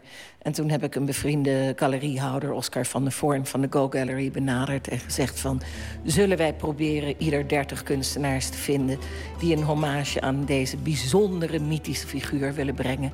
Tessa van der Voort is het brein achter deze expositie. En er hangen ook twee werken van haar hier. En Jacinthe Heijmans, ook kunstenares, die heeft ook meegedaan aan deze tentoonstelling. We zien hier een schilderij dat is getiteld uh, Frida Kahlo Visits Amsterdam. Dus uh, ik ben geïnspireerd geraakt door de figuur van Frida Kahlo. Uh, een schilderij wat zij gemaakt heeft, waarbij die takken uit haar lijf groeien. En daar heb ik dus dit van gemaakt. Ze zweeft boven Amsterdam. En omdat ze zoveel met bloemen had, heb ik gewoon als een soort motor een draaiende uh, soort van roterende figuur als staart die bloemen strooit over Amsterdam. En uh, haar kenmerk was natuurlijk ook die doorgroeiende wenkbrauwen. En het blijkt dat dat um, een kenmerk was van een vroegere Mexicaanse vorste. Die, dat was een kenmerk, die doorgroeiende wenkbrauwen. En ik heb daar een vogelvlucht van gemaakt. Een vogelvlucht heeft natuurlijk ook altijd een leider die voorop vliegt. En dat is haar wenkbrauw. En deze ode aan Frida, waar 60 kunstenaars aan hebben meegewerkt. Degene die dat heeft geïnitieerd is Tessa van der Voort, ook bij mij. Als jij kijkt naar uh, dit schilderij, wat, wat valt je op? Nou, ik denk eigenlijk aan Frida als een soort helikopter. Ik zie een uh, vrouw die met een helikopterview over de stad kijkt. En uh, Amsterdam eigenlijk in een magic city verandert.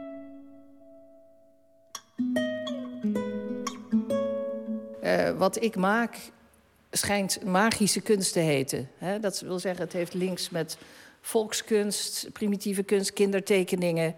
En uh, dus die, die, die hele magie, dat, dat, dat spreekt mij ontzettend aan. Het is natuurlijk een enorme magische figuur, Frida Kahlo. Frida Kahlo heeft een, uh, ja, een heftig leven gehad. Ja. Een leven gekenmerkt door pijn. Ja. Begon met een kinderverlamming op haar zesde. En een verkeersongeluk. En dat betekende in heel haar leven meer dan 30 operaties. Waar komt bij jou de fascinatie voor haar vandaan? Wat is dat met haar? Haar leed, het liggen in het hemelbed en dan met een spiegel het hemelbed tot atelier verklaren. En daar op een enorme, uh, begaafde manier mee omgaan als autodidact. In dat bed liggen, beginnen te schilderen en dan zulke mooie dingen maken... waarin je je leed ook op zo'n prachtige manier vertaalt. En ook de folklore van het Mexicaanse volk bij je werk voegt. En nou, ga maar door, die vrouw is zo veelzijdig. En ook haar politieke engagement. En een paar dagen voor de dood heeft ze zich nog uit haar bed laten hijsen... heeft ze nog aan een vredesdemonstratie meegedaan. Frida was een autodidact. Ja. Dat ben jij ook. Ja, dat ben ik ook. Dat is, dat is waar. Ik, heb, uh, ik kom wel... Mijn, mijn, vader was kunstschilder. In de jaren 60 was hij een heel bekende uh, materieschilder. En heeft ook in het Stedelijk Museum gehangen. En alle grote musea. Eduard Heijmans? Ja, oh, jij bent goed op de hoogte. Eduard Heijmans, dat klopt. En uh, ik ben... ja, ik, ik haatte vroeger kunst. Ik wilde er niets mee te maken hebben, al dat, dat geouwe over kunst en zo. Maar goed, toen op een gegeven moment, op dezelfde leeftijd als mijn vader... 44ste ben ik ook gaan schilderen. Het luikje ging open en is nooit meer dichtgegaan. Maar ik heb niets geleerd op dat gebied. Dus ik heb het allemaal zelf bedacht. En met succes. Tentoonstellingen binnen en buitenland? Ja, ik mag niet uh, mopperen. kan me herinneren dat toen ik klein... Ik heb, ik heb een nare jeugd gehad met een vader die, die veel in de oorlog uh, heeft geleden. En uh, dat ik uh, op een gegeven moment een, een, een, tekening had gemaakt als kind. En mijn moeder zette die mooi op de schoorsteen. Dat mijn vader binnenkwam en zei van... wat moet dat hier? Er is hier maar plaats voor één kunstenaar en dat ben ik. En ja, ik bedoel, wij waren moord en doodslag. We, leken ook te veel op elkaar. En uh, zo erg dat ik op mijn achttiende ook ben weggegaan... omdat het uh, niet meer te doen was. Ja, die man ja, maakte prachtige schilderijen, maar was niet mee te leven. Maar goed, nogmaals, niets in verhouding tot wat... dit is natuurlijk niet in verhouding tot wat zij allemaal meegemaakt heeft. Ja, Eduard Heijmans, bekend uh, kunstenaar, die dat dan zei. Is dat ook de reden waarom je op latere leeftijd pas gekozen hebt voor dit vak? Absoluut, dat denk ik wel. Maar er was geen ontkomen aan. Op een gegeven moment, op mijn 44ste, gek genoeg op dezelfde leeftijd als waarop mijn vader ging schilderen, ook op zijn 44ste, ging dat luikje open en is nooit meer dichtgegaan. Het, het kon niet anders het gekke is dat, um, althans dat vind ik in mijn geval... dat ik op een gegeven moment schilderijen ben gaan maken... waarvan ik dacht van, hoe is het in... Waar komt dit vandaan? Want ik heb geen benul, eigenlijk, als ik eerlijk ben. Ik heb geen benul waar het eigenlijk vandaan komt.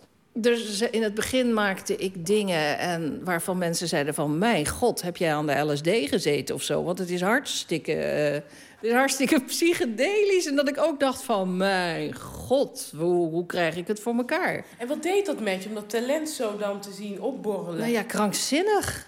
Uh, uh, ik, ik werd er wel heel blij van, want ik, ik werd, was meteen heel bezeten. Helemaal bezeten ervan. Hier zien we Frida afgebeeld met een wapen in haar hand. Een werk van Erik van Lint. En voor haar ontbloot bovenlichaam. En ze heeft een tutu aan. Ja, het is een heel uh, dualistisch schilderij dit. Aan de ene kant is het heel zacht met de tutu en die prachtige roos in haar haar... en een hele vredelievende blik. Maar ze heeft wel een kalasjnikov in haar uh, handen. En uh, er wordt gezegd dat zij op een gegeven moment wapens heeft uitgedeeld... aan boeren die de revolutie in Mexico wilden prediken. Nou, we staan nu voor mijn schilderij...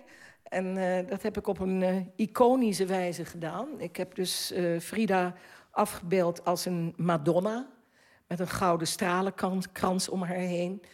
En ik heb Diego als haar kind in haar armen gelegd.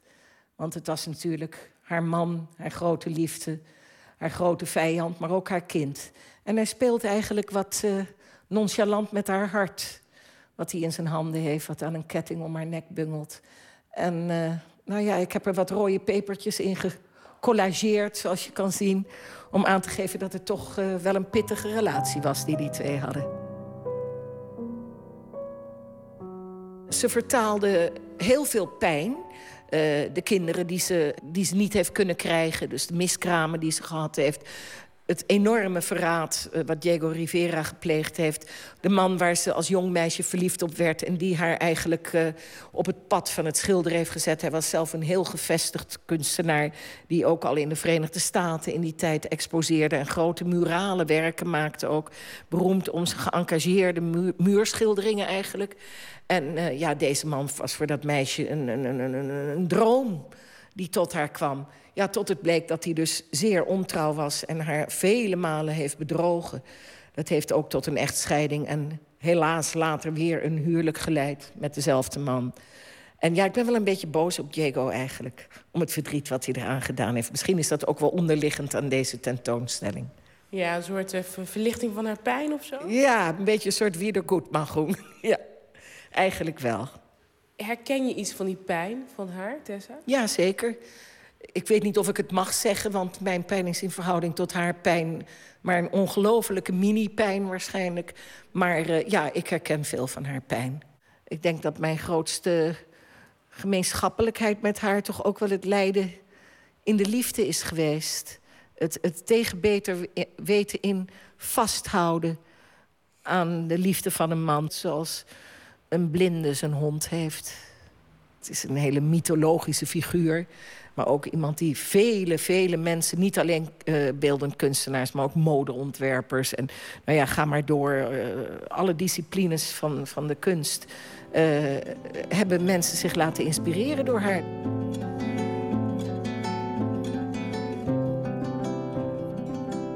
Bij Frida denk ik ook aan haar zelfportretten. Meer dan 55 heeft ze erachter gelaten. En dan met die ene wenkbrauw natuurlijk, die heel kenmerkend voor haar is. Waaraan denk jij bij Frida? Denk je ook aan die zelfportretten? Niet zozeer de zelfportretten, maar, maar het, het geheel en het lichaam. En, en de, de figuren die ze van zichzelf creëerde in een, in een magische vorm. Hè, zoals je dat bij mij ziet. Op, dus niet alleen die zelfportret, niet alleen het gezicht... maar gewoon het hele scala van haar uh, werk.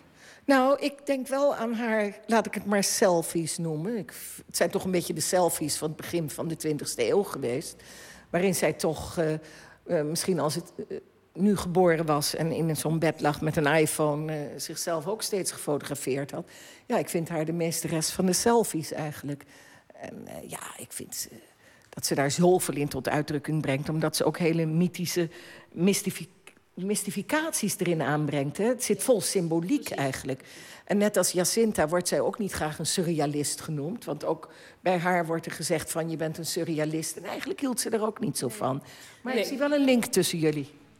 Want je houdt daar niet van, hè? Om als surrealist genoemd te worden. Ik, niet om, ik, ik hou van surrealistische kunst, absoluut. Maar wat, wat ik maak is geen, is geen surrealistische kunst, maar dat is dus magische kunst. Er is veel over haar geschreven, films over haar gemaakt. Hoe komt zo, dat zij zo'n cultfiguur is? Doordat zij totaal uniek is in haar leven, hoe zij uh, haar lijden heeft uh, geïnterpreteerd. En ja, wat ze ook allemaal meegemaakt heeft. Ik bedoel, alleen al seksueel gezien. Ze was biseksueel. Iets wat ik ook wel in mezelf herken. En het leuke daarin is dat ze zowel met Josephine Baker... een kortstondige relatie heeft gehad met Georgia O'Keeffe. Maar ook wordt er gezegd dat ze het bed heeft gedeeld met Trotsky... en uh, met uh, vele andere interessante kunstenaars uit haar tijd. Dus kortom, wat dat betreft vind ik ook zeer fascinerend. De wereld was niet klein bij haar.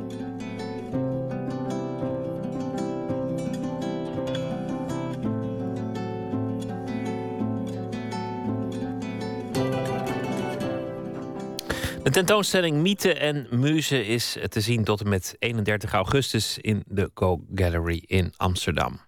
De zangeres Ayo heeft een vader uit Nigeria, een moeder in Keulen en dus eindigde zichzelf in Parijs. Dat ligt ongeveer halverwege. En haar tweede album heet Gravity at Last en het nummer dat wij draaien heet Maybe.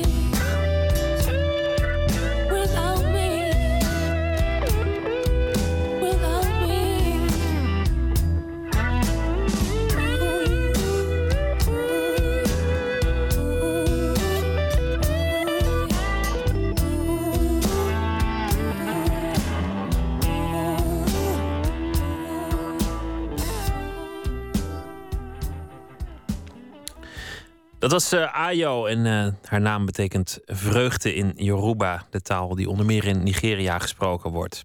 Het nummer heette Maybe. Nooit meer slapen.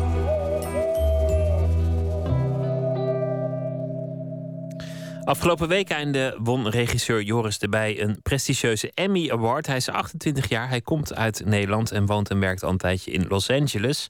Het was een regionale Emmy, dat wil zeggen een broertje van de belangrijke Amerikaanse televisieprijs. Botti Jellema, onze verslaggever, goeie nacht. Goeienacht. Je hebt hem eh, gesproken, in, in wat voor stemming verkeerde hij? Ja, hij was heel erg blij. Ehm, en het, het, heeft hem al sinds dit weekend, maar ik uh, trof hem aan in een buitengewoon vreugdevolle stemming. En dat is ook wel, nou ja, terecht. Uh, want het is wel degelijk een echte Emmy, zoals je zei, een uh, regionale Emmy Award. Um, maar het komt van diezelfde Academy, diezelfde. Um, ja, die, die altijd zo uitgebreid bedankt worden. Die, uh, die hebben hem uitgereikt. Dus je kan hem zeker prestigieus noemen. Ik wist niet dat er ook regionale Emmys waren. Hoeveel, hoeveel zijn er daarvan in, in Amerika? Ja, er worden twintig van deze Emmys uh, over heel uh, Amerika regionaal uitgereikt. En um, ik moet eerlijk zeggen dat ik er ook niet van gehoord had... maar dat het in de regio Los Angeles is... wat uh, ja, toch, toch het televisie-mekka van de wereld is zo ongeveer. Dat zegt volgens mij wel iets. Daar zitten natuurlijk heel veel televisiemakers. Dus het is weliswaar regionaal, maar als je hem dan in die regio wint... dan um, Oh, heb je, goed. heb je goede concurrentie overwonnen. Voor de documentaire Invisible Cities, een opera voor headphones. De, de titel is al een Emmy waard op zich. Waar gaat die over? Ja, het is een documentaire over een opera-uitvoering op locatie. Uh, het is gebaseerd op een, uh, een boek van Italo Calvino. En het speelde hier, deze opera, op Union Station in Los Angeles. Dat kende ik ook niet, maar dat is een prachtig treinstation. Uit de jaren 30 komt het. En ook dat heeft nog een klein Nederlands tintje. Want een in Nederland geboren architect die heeft het mede ontworpen. Um, ik heb het nu gezien, want ik heb die documentaire gezien. Um, mooie tegels op de vloer, uh, met leerbeklede banken in de wachtruimte. Mooi houtsnijwerk bij de loketten. Al die dingen meer, het is prachtig afgewerkt. En dat allemaal in dat zonnige Los Angeles. Dan ziet het er ook meteen mooi uit natuurlijk. Um, en dan die opera, die was te horen via koptelefoons. Laten we even naar een klein stukje uit de documentaire luisteren. Compared to traditional opera, it is massively different because uh, opera is based upon hearing things unamplified in a beautiful sounding room. What if we go to the absurd extreme, which is headphones? In this particular production, for instance, we can have singers whispering into your ear, and you will be able to hear that amazingly well because it's going to be a microphone right here, and that's going to go right to your ear. In the morning, you hear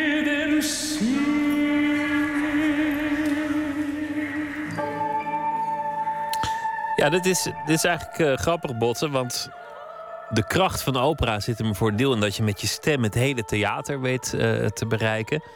Maar hier kun je operazangers dus, dus horen fluisteren, zegt hij net.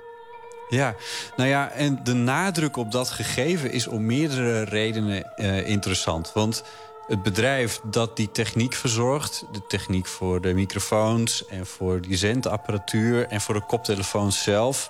dat is een hele grote in de audiowereld. Sterker nog, uh, wat ik nu hier aan het doen ben... is alleen maar mogelijk door de spullen die zij maken. Um, die zijn heel nadrukkelijk, komen die in beeld, die worden geïnterviewd... en die spelen natuurlijk in die productie ook een hele belangrijke rol. Want zij uh, hebben die apparatuur.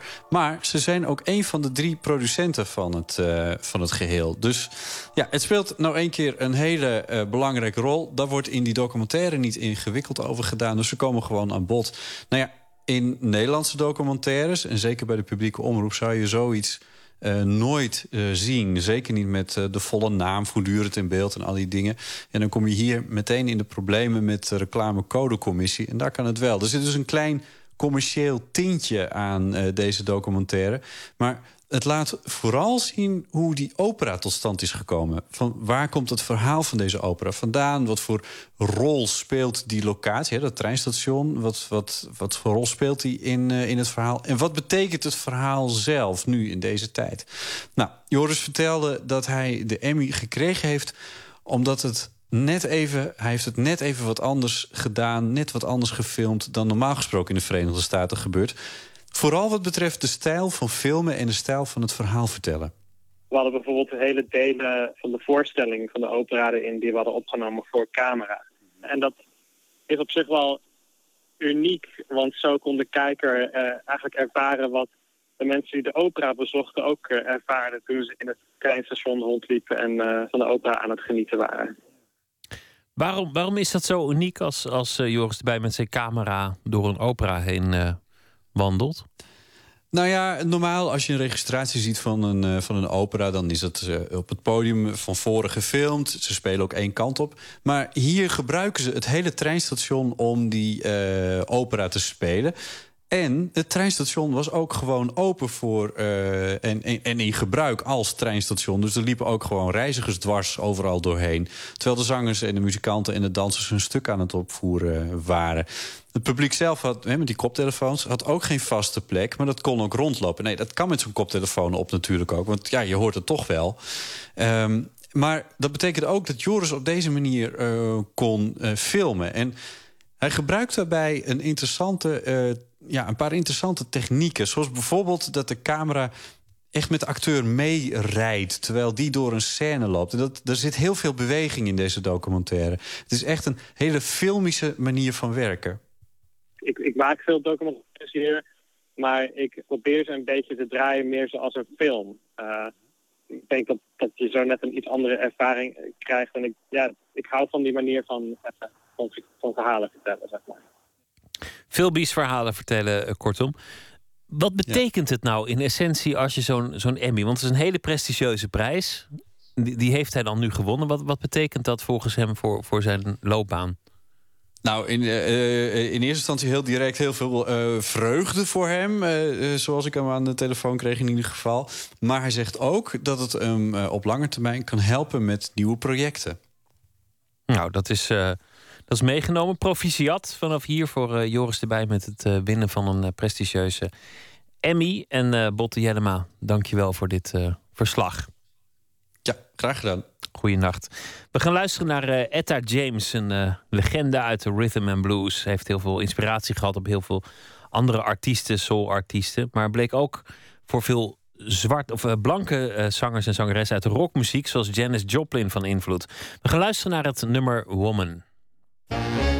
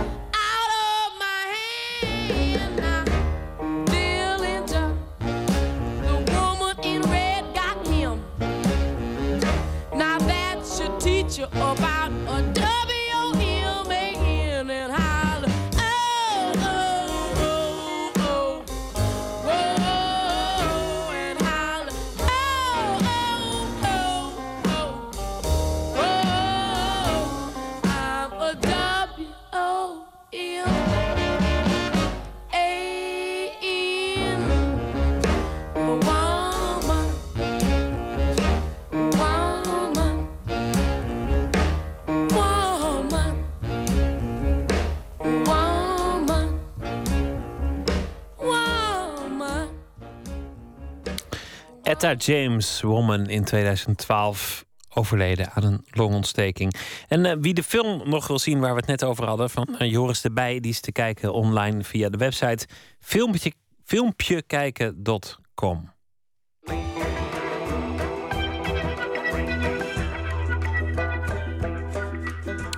U luistert naar Nooit meer slapen van de VPRO op Radio 1. Deze maand herhalen wij wonderlijke verhalen die eerder werden uitgezonden in het VPRO-radioprogramma Plots. Het thema was knuffels. En het verhaal van de verdwenen knuffel is inmiddels een klassieker. Ouders die er alles aan doen om die verdwenen aap of konijn of dat beertje terug te vinden.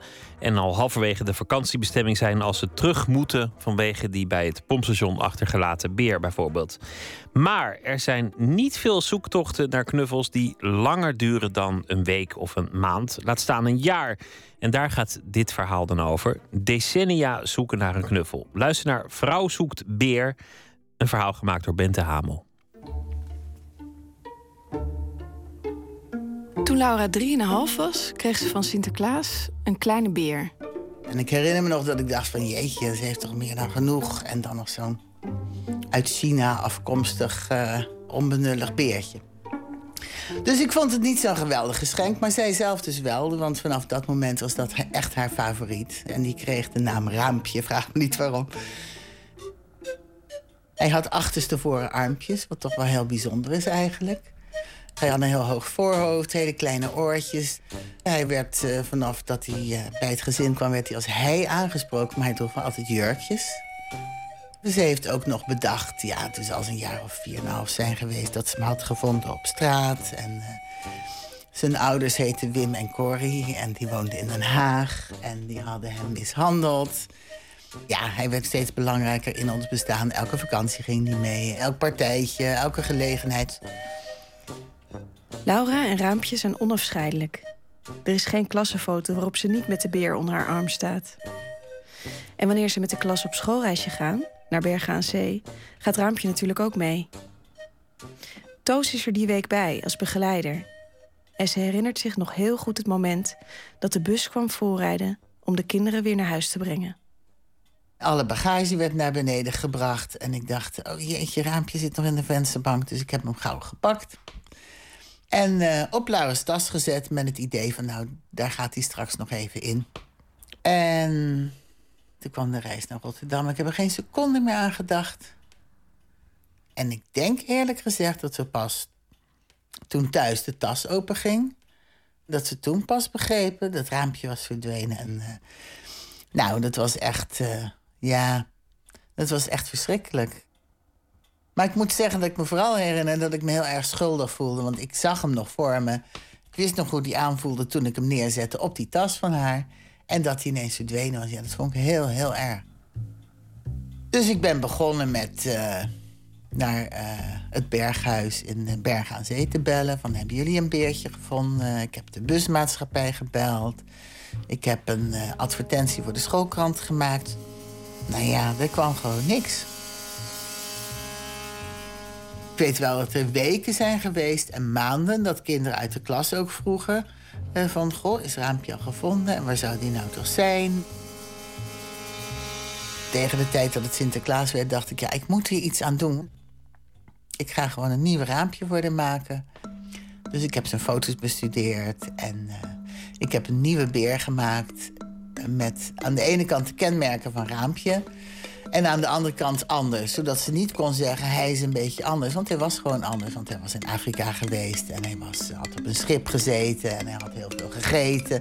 Dus hij was een beetje dikker, een beetje zwaarder. Donkerbruin in plaats van uh, beige.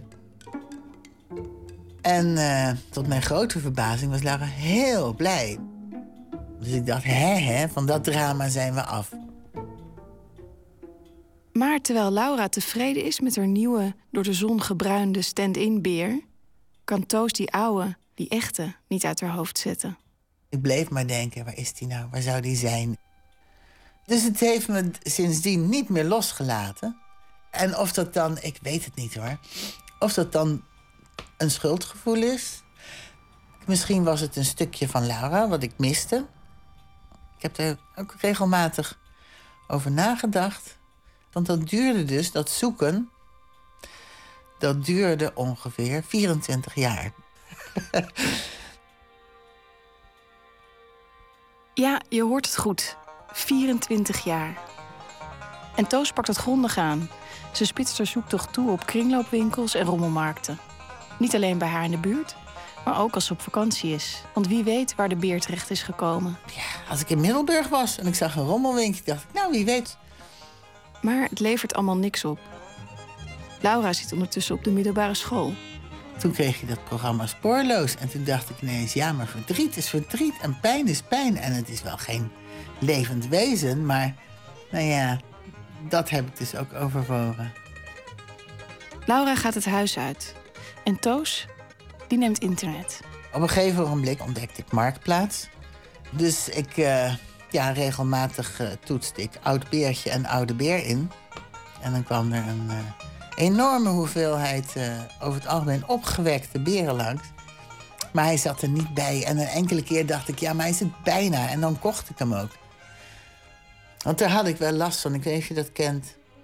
Dat als je verliefd bent en iemand heeft bijvoorbeeld een groene jas... en dan zie je in de verte iemand aankomen die heeft een blauwe jas... en dan blijf je denken, maar hij zou nog groen kunnen worden. Laura was acht jaar toen ze haar beer kwijtraakte. Inmiddels is ze 32. Ze woont in Amsterdam en maakt theatervoorstellingen. En dan is er een rommelmarkt bij Toos in de buurt. Ik ging met eh, mijn kleinzoon, die was toen één jaar, ging ik even op de rommelmarkt kijken, wat ik eh, altijd heel graag doe. En ik loop daar en ik heb het gevoel dat, ik, dat iemand naar me kijkt. Dus ik kijk om. En wie zie ik daar? Ik zie een raampje liggen op een kraampje. dus ik vergeet bijna mijn kleinzoon Arie. En ik ben als de dood dat iemand hem nog net voor mijn neus koopt, wat natuurlijk niemand van plan is. Dus ik vraag, wat kost het beertje? En die vrouw zegt, ja, maar het is wel echt een oude hoor, 2,50. Ik zei, nou, dat is goed. Dus ik dacht, nou, ik heb hem. Het is miraculeus, maar waar. Raampje is terug. Ja, hij is het wel. En dus wordt snel Laura gebeld met het goede nieuws. Weet je wie ik gevonden heb? Raampje. En ik zo, hè? Voor Laura komt het bericht dat Raampje is gevonden totaal uit de lucht vallen. Ze wist helemaal niet dat haar moeder decennia lang heeft gezocht naar een oude Chinese beer.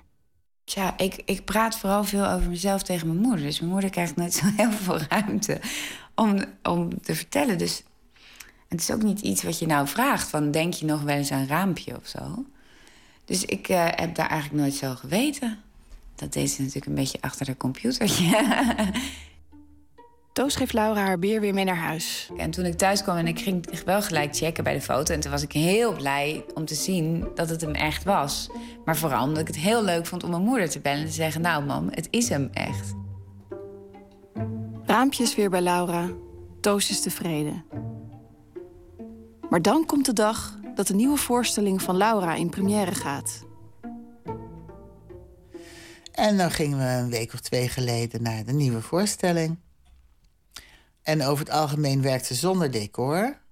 Maar nu had ze een tafel met allemaal spulletjes en rommel uit haar eigen huis. En die tafel stond op het uh, toneel.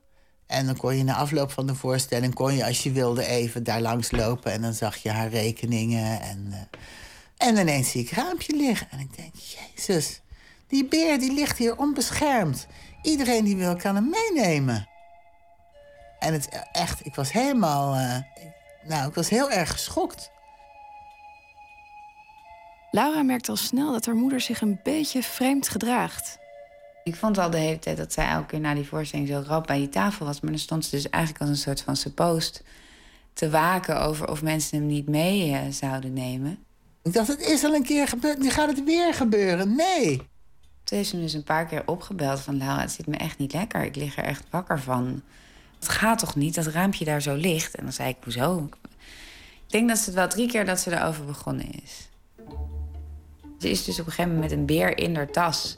naar de voorstelling gekomen om dan stiekem een wisseltruc uh, toe te passen. Om raampje dus weg te halen. En nu ligt uh, Molly er, een witte beer. En zo belandt Beerraam na een omzwerving van 24 jaar toch weer gewoon in het ouderlijk huis. Kijk, hij heeft weer een pijp. Dat had hij vroeger ook. En een breiwerkje. Het verbaast me nog steeds dat ik zo op zoek ben geweest. Het verbaast me nog steeds. Ik weet niet wat er, wat er verdwenen is. Nou ja, een raampje. Maar waar die voor staat. En nou is die terug. Dan denk ik, is het nu opgelost? Misschien dat ze me eigenlijk helemaal niet wilde vinden. Of dat ze gewoon plezier heeft aan het zoeken, omdat ze daarmee iets ja, uiting geeft aan een soort verlangen of een soort zoektocht naar iets wat, wat voorbij is. Of iets wat ja, vrij letterlijk kwijt is geraakt. Ik herinner me dat ook nog echt wel. Dat ik wakker werd en dat ik dan met mijn moeder ging bedenken... wat gaan we vandaag eens doen? En dan gingen we verven of wandelen. Of weet je, echt, het was ons leven om de hele dag verzinnen... wat nou het leukste. En in mijn herinnering scheen de zon ook altijd. En ja, zolang je er naar aan het zoeken bent... is het misschien niet echt kwijt of zo.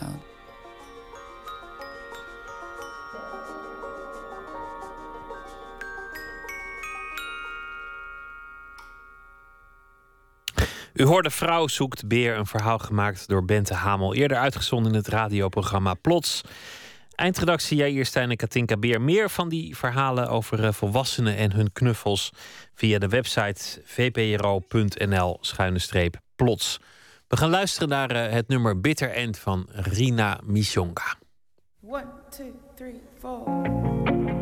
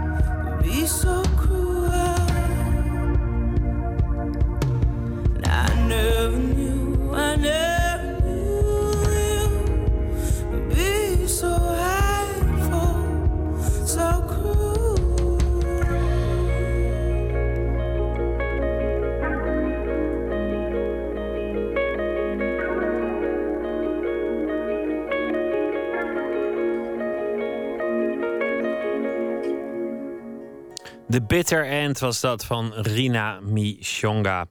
Half Nederlands en half Zimbabwaanse zijn. Zo zijn we aan het einde gekomen van deze aflevering van Nooit meer slapen.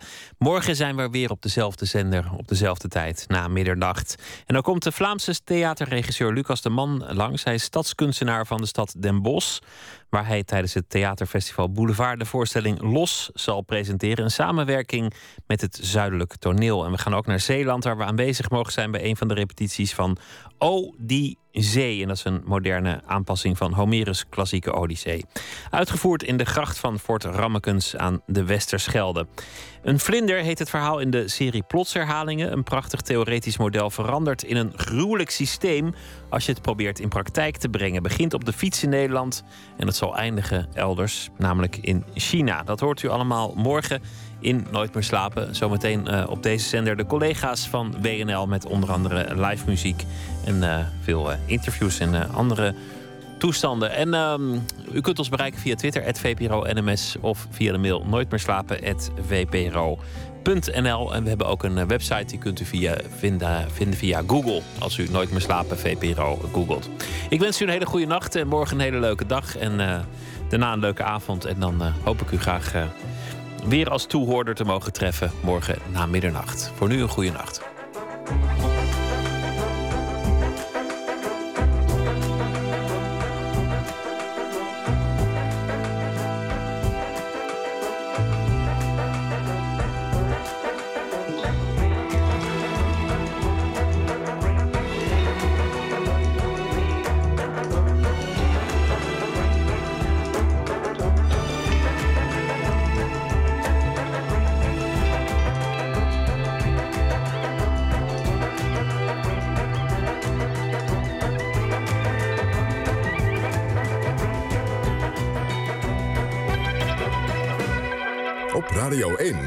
Nieuws van alle kanten.